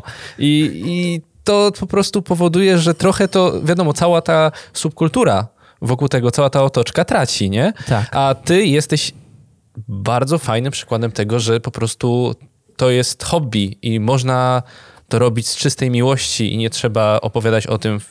No i nie Innych trzeba być obrażając. bogatym dzieciaczkiem po prostu. Bardzo no. mi miło, bardzo dziękuję. E, I jestem e, w stanie uwierzyć, jestem, dam sobie, może nie, da, nie dam sobie ręki uciąć, bo ale... I bym kurwa ale, nie miał ręki. Dokładnie, do, do tego zmierzam. Natomiast wiem, że jest masa takich ludzi jak ja, która, które, z, którą, z którymi mam kontakt na co dzień i jakby też moim założeniem głównym, jak zakładałem Kupsa, takim, jak już to było jako fanpage na Facebooku i było jakimś projektem, było to, że chcę to jest bardzo hermetyczne środowisko, zawsze było bardzo hermetyczne. Teraz już może mniej, ale buciar, buciarze generalnie byli bardzo, bardzo zamkniętym środowiskiem. Bardzo było dużo nagonki na świeże osoby, na tych, którzy się nie znają, którzy być może wchodzą w to i tam nie, a co ty nie wiesz, co to są, jakie tam było wydanie Jordano w 89 albo coś, wiesz, były takie, były, były taka, takie, takie spięcia. I ja miałem taki zamysł, że moim głównym celem jest to, żeby pomóc jakby ludziom, którzy się w, tym, w, to, w to wszystko angażują, jakoś wchodzą, dopiero zaczynają, czy może czegoś nie wiedzą. E, to wiem, że trochę to brzmi tak y, jak Matka Teresa i w ogóle, ale, ale, ale miałem, taki, miałem taki zamysł i do tej pory na Facebooku odpisuję wszystkim. Nie ma wiadomości, Mhm. które bym pominął tak naprawdę. Chyba, że nie wiem, zapomnę, czy w zawirowaniu jakimś komuś nie odpiszę, ale generalnie odpisuję wszystkim, co jest czasem bardzo czasochłonne, bo są, wiesz, dni, że na przykład nagle jest 50 wiadomości, bo coś się dzieje dużego i nagle do mnie pisze kilkanaście osób na raz, ale staram się to robić, odpisać każdemu. I wierzę, że jakby raz, że ludzie to doceniają, że widzą to, że jakby to jest y, po prostu jakieś tak y, od serca prowadzone, że, że to jest naturalne, a dwa, że właśnie wiem, ile jest osób, które też y, do tego podchodzą totalnie tak jak ja, czyli e, mają jakąś zajawkę, nie kupują tego, żeby wiesz, pasek wywiesić na, na, na klamra Gucci, żeby była widoczna i że jaki to on nie jest. Wiesz, jak ja mówię, mnie na przykład bardzo krępuje rozmawianie o tym, ile pieniędzy na to wydaje, bo to są chore kwoty y, dla przeciętnego człowieka. Mhm. Dla moich kolegów, którym ja, u mnie nikt z mojego towarzystwa najbliższego, znajomych jakby w ogóle nie siedzi w temacie, nie? Jakby nie- totalnie. To są jakby totalnie inne środowiska, które no, nie, nie zrozumieliby tego, gdybym pewnie im to mówił, y, jakie to są pieniądze, jakie to są, jak to wszystko wygląda od środka, powiedzmy. E, więc mnie to o tyle krępuje, że wiem, że to nie jest normalne. I nie chodzi o to, żeby powiedzieć, patrz, to są buty za 2000 albo za 5000, no bo to mi nie sprawia żadnej przyjemności, że ja się będę woził z tym, ile ja mam na sobie pieniędzy, nie? Bardziej to jest jakaś tam sam dla siebie to robię, nie robię tego po to, żeby komuś pokazać, Jasne. jaki, jaki to jest, yy, wiesz, super ciuch albo super but. Nawet bardziej mnie to jara, jeżeli to jest takie, nazywam to takim subtelnym, czy- czyli jest taki subtelny szpan w takim sensie, że wie o tym bardzo mało osób, wiesz. Są na przykład takie buty albo takie ciuchy, które jak ktoś siedzi w tym wszystkim i wie, no to okej, dobra, szacun. No, to Jasne. ale, ale większość powie, co buty z Deichmana na przykład są, nie? Mam na przykład takie jedne buty, na które bardzo się długo czaiłem i na mnie bardzo dużo, długo dojrzewały we mnie. To są buty Louis- Vuitton, które Virgil zaprojektował e, jakoś jedne, jedne z pierwszych dla Louis Vuitton, które jakby totalnie nie jest moim targetem, nie jest moją marką, ale bardzo długo we mnie dojrzewały i mówię, dobra, kurczę, kupuję w końcu, zdecydowałem się i kupiłem. I to jest but, który dla 99% osób będzie wyglądał jak but z CCC, autentycznie, jak but, który po prostu jest, wiesz, ale wiem, że jest ten 1%, w tym jestem też ja, który wie, że to jest coś, co jest bardzo fajne, jest, jest rzadkie, jest super zrobione, jest po prostu czymś, co jest jakimś tam hołdem dla jakiegoś innego buta i tak dalej. I to jest coś, co mnie bardzo nakręca, nie? Właśnie, żeby że nie ten taki e, high, high beast flex, który jest wszędzie, to flexu, jest w tak. ogóle dla mnie coś, czego ja e, totalnie unikam, nie lubię, nie śledzę i jest takich paru youtuberów, na przykład z, z, Wysp Brytyjskich, którzy po prostu wiesz, meczują sobie Lamborghini do, Tak, do, do, tak. do Jordanów, no to sorry, ale to jest jakby nie, nie moja w ogóle półka, Nie, moja bajka. Powiem ci właśnie y, cały ten podcast y, bardzo fajnie, właśnie bardzo mi się to podobało, bo to nie było tak, nie- że zakładałem, że tak będzie, Mhm, bardzo przystępnie i bardzo mi się fajnie o tym rozmawiało, bo to było tak, że ja też wszystkiego nie wiem na ten temat. Ja również. I bardzo mi się, bardzo mi się podobało, że przybliżyłeś nam to wszystko. Do, Ja nie wiem nic, to są moje pierwsze domyślam- Nike. Domyślam się, że, domyślam się, że wiecie, też jakby y, odbiorca jest inny, nie? W niuansie mamy trochę innego odbiorcę, który pewnie wie więcej, więc też z takim tutaj, y, myśl, taką myślą tutaj przyjeżdżałem, że właśnie Mhm. to jest pewien coś, że być może czasami trzeba coś bardzo patologicznie wytłumaczyć, bo nie wszyscy ludzie, tak mówię, mogą sobie wyobrazić, że ktoś ma 150 par butów w domu, nie? A znam, poznałem na przykład człowieka, który ma ponad 2000 par butów w domu. Mhm. Znam takich wariatów, nie? Jakby to jest coś dla mnie, czego, nie wiem, to magazyn się chyba trzeba wynająć oddzielny, żeby... To, to legendarne, pamiętam moje zdziwienie za każdym razem, kiedy jakaś legenda koszykówki pokazywała, otworzyła swój y, garaż i z y, pudełek po butach, z butami oczywiście w środku, y, ściany, labirynt sobie po prostu zrobił i po prostu Mhm, No, chodził. to- to ja tak- to chyba, ja- chyba Rip Hamilton, jeśli, jeśli dobrze To pamiętam. tak jakbyś zobaczył mieszkanie na przykład Umberto Eco. On miał po prostu biblioteki, on miał na przykład Mhm. parę szaf, które były tylko literaturą y, antysemicką. Bo, bo kolekcjonował, bo pisał tam książkę Cmentarz Mhm. w Pradze. I miał, kolekcjonował to, kolekcjonował to. Jakieś ludzie mają zajawy. Mm, dokładnie. Ja się z taką, tylko jeszcze kończąc myśl, że jest taką, y, y, jedynym miejscem, w którym spotkałem się z taką ilością dużą butów, to był magazyn, w którym pracowałem przez jakiś czas, jak byłem w Rankowcu. Właśnie tak było, że wchodziłeś, miałeś, tam był labirynt, autentycznie, były ściany zrobione z butów i no to była sztuka, żeby tam się poruszać i wiedzieć, co gdzie leży, bo wyobraź sobie, że jest, nie wiem, 10 tysięcy par butów albo nie wiem ile, 20 tysięcy par butów w jednej, jednej przestrzeni i trzeba wiedzieć, co gdzie leży, w jakim rozmiarze i właśnie to myślenie indeksami to było wtedy to, co nas ratowało, bo bez tego to w ogóle nie dałoby. Jeżeli wszystko stoi w tak, na przykład jest 10 tysięcy Nike'ów, wszystkie w czerwonych pudełkach, to nie ma szans, żeby w ogóle to, wiesz, gdzieś wyhaczyć, tylko trzeba po prostu było pamiętać, gdzie jakie są indeksy, no masakra, ale ale domu takiego mieszkania sobie nie wyobrażam, szczerze mówiąc. I mam nadzieję, że, że do tego nie dojdzie, że będę miał pokój cały na buty, ale wiecie, no kto wie. Życie pokaże. Życie pokaże. No. Najwyżej w- Trochę to w tym kierunku zmierza powoli, ale y, też nie wiem, czy to da się robić do końca życia, czy to będzie zawsze mój zawód. No, nie, nie, nie. Najwyżej w nowym Wiadomo. mieszkaniu y, zrobisz zamiast ścianek działowych normalnie z karton Może gipsu jest czy to jakiś, jest to jakiś Z- pomysł. Tak. Dobrze, to przechodzimy do końca. Powiedz, Kubo, gdzie możemy ciebie znaleźć? E, tak, więc Dokładnie. reklama e, na Facebooku, e, fanpage Kups przez 4U oczywiście, na Instagramie również przez 4U, tak jest 4U.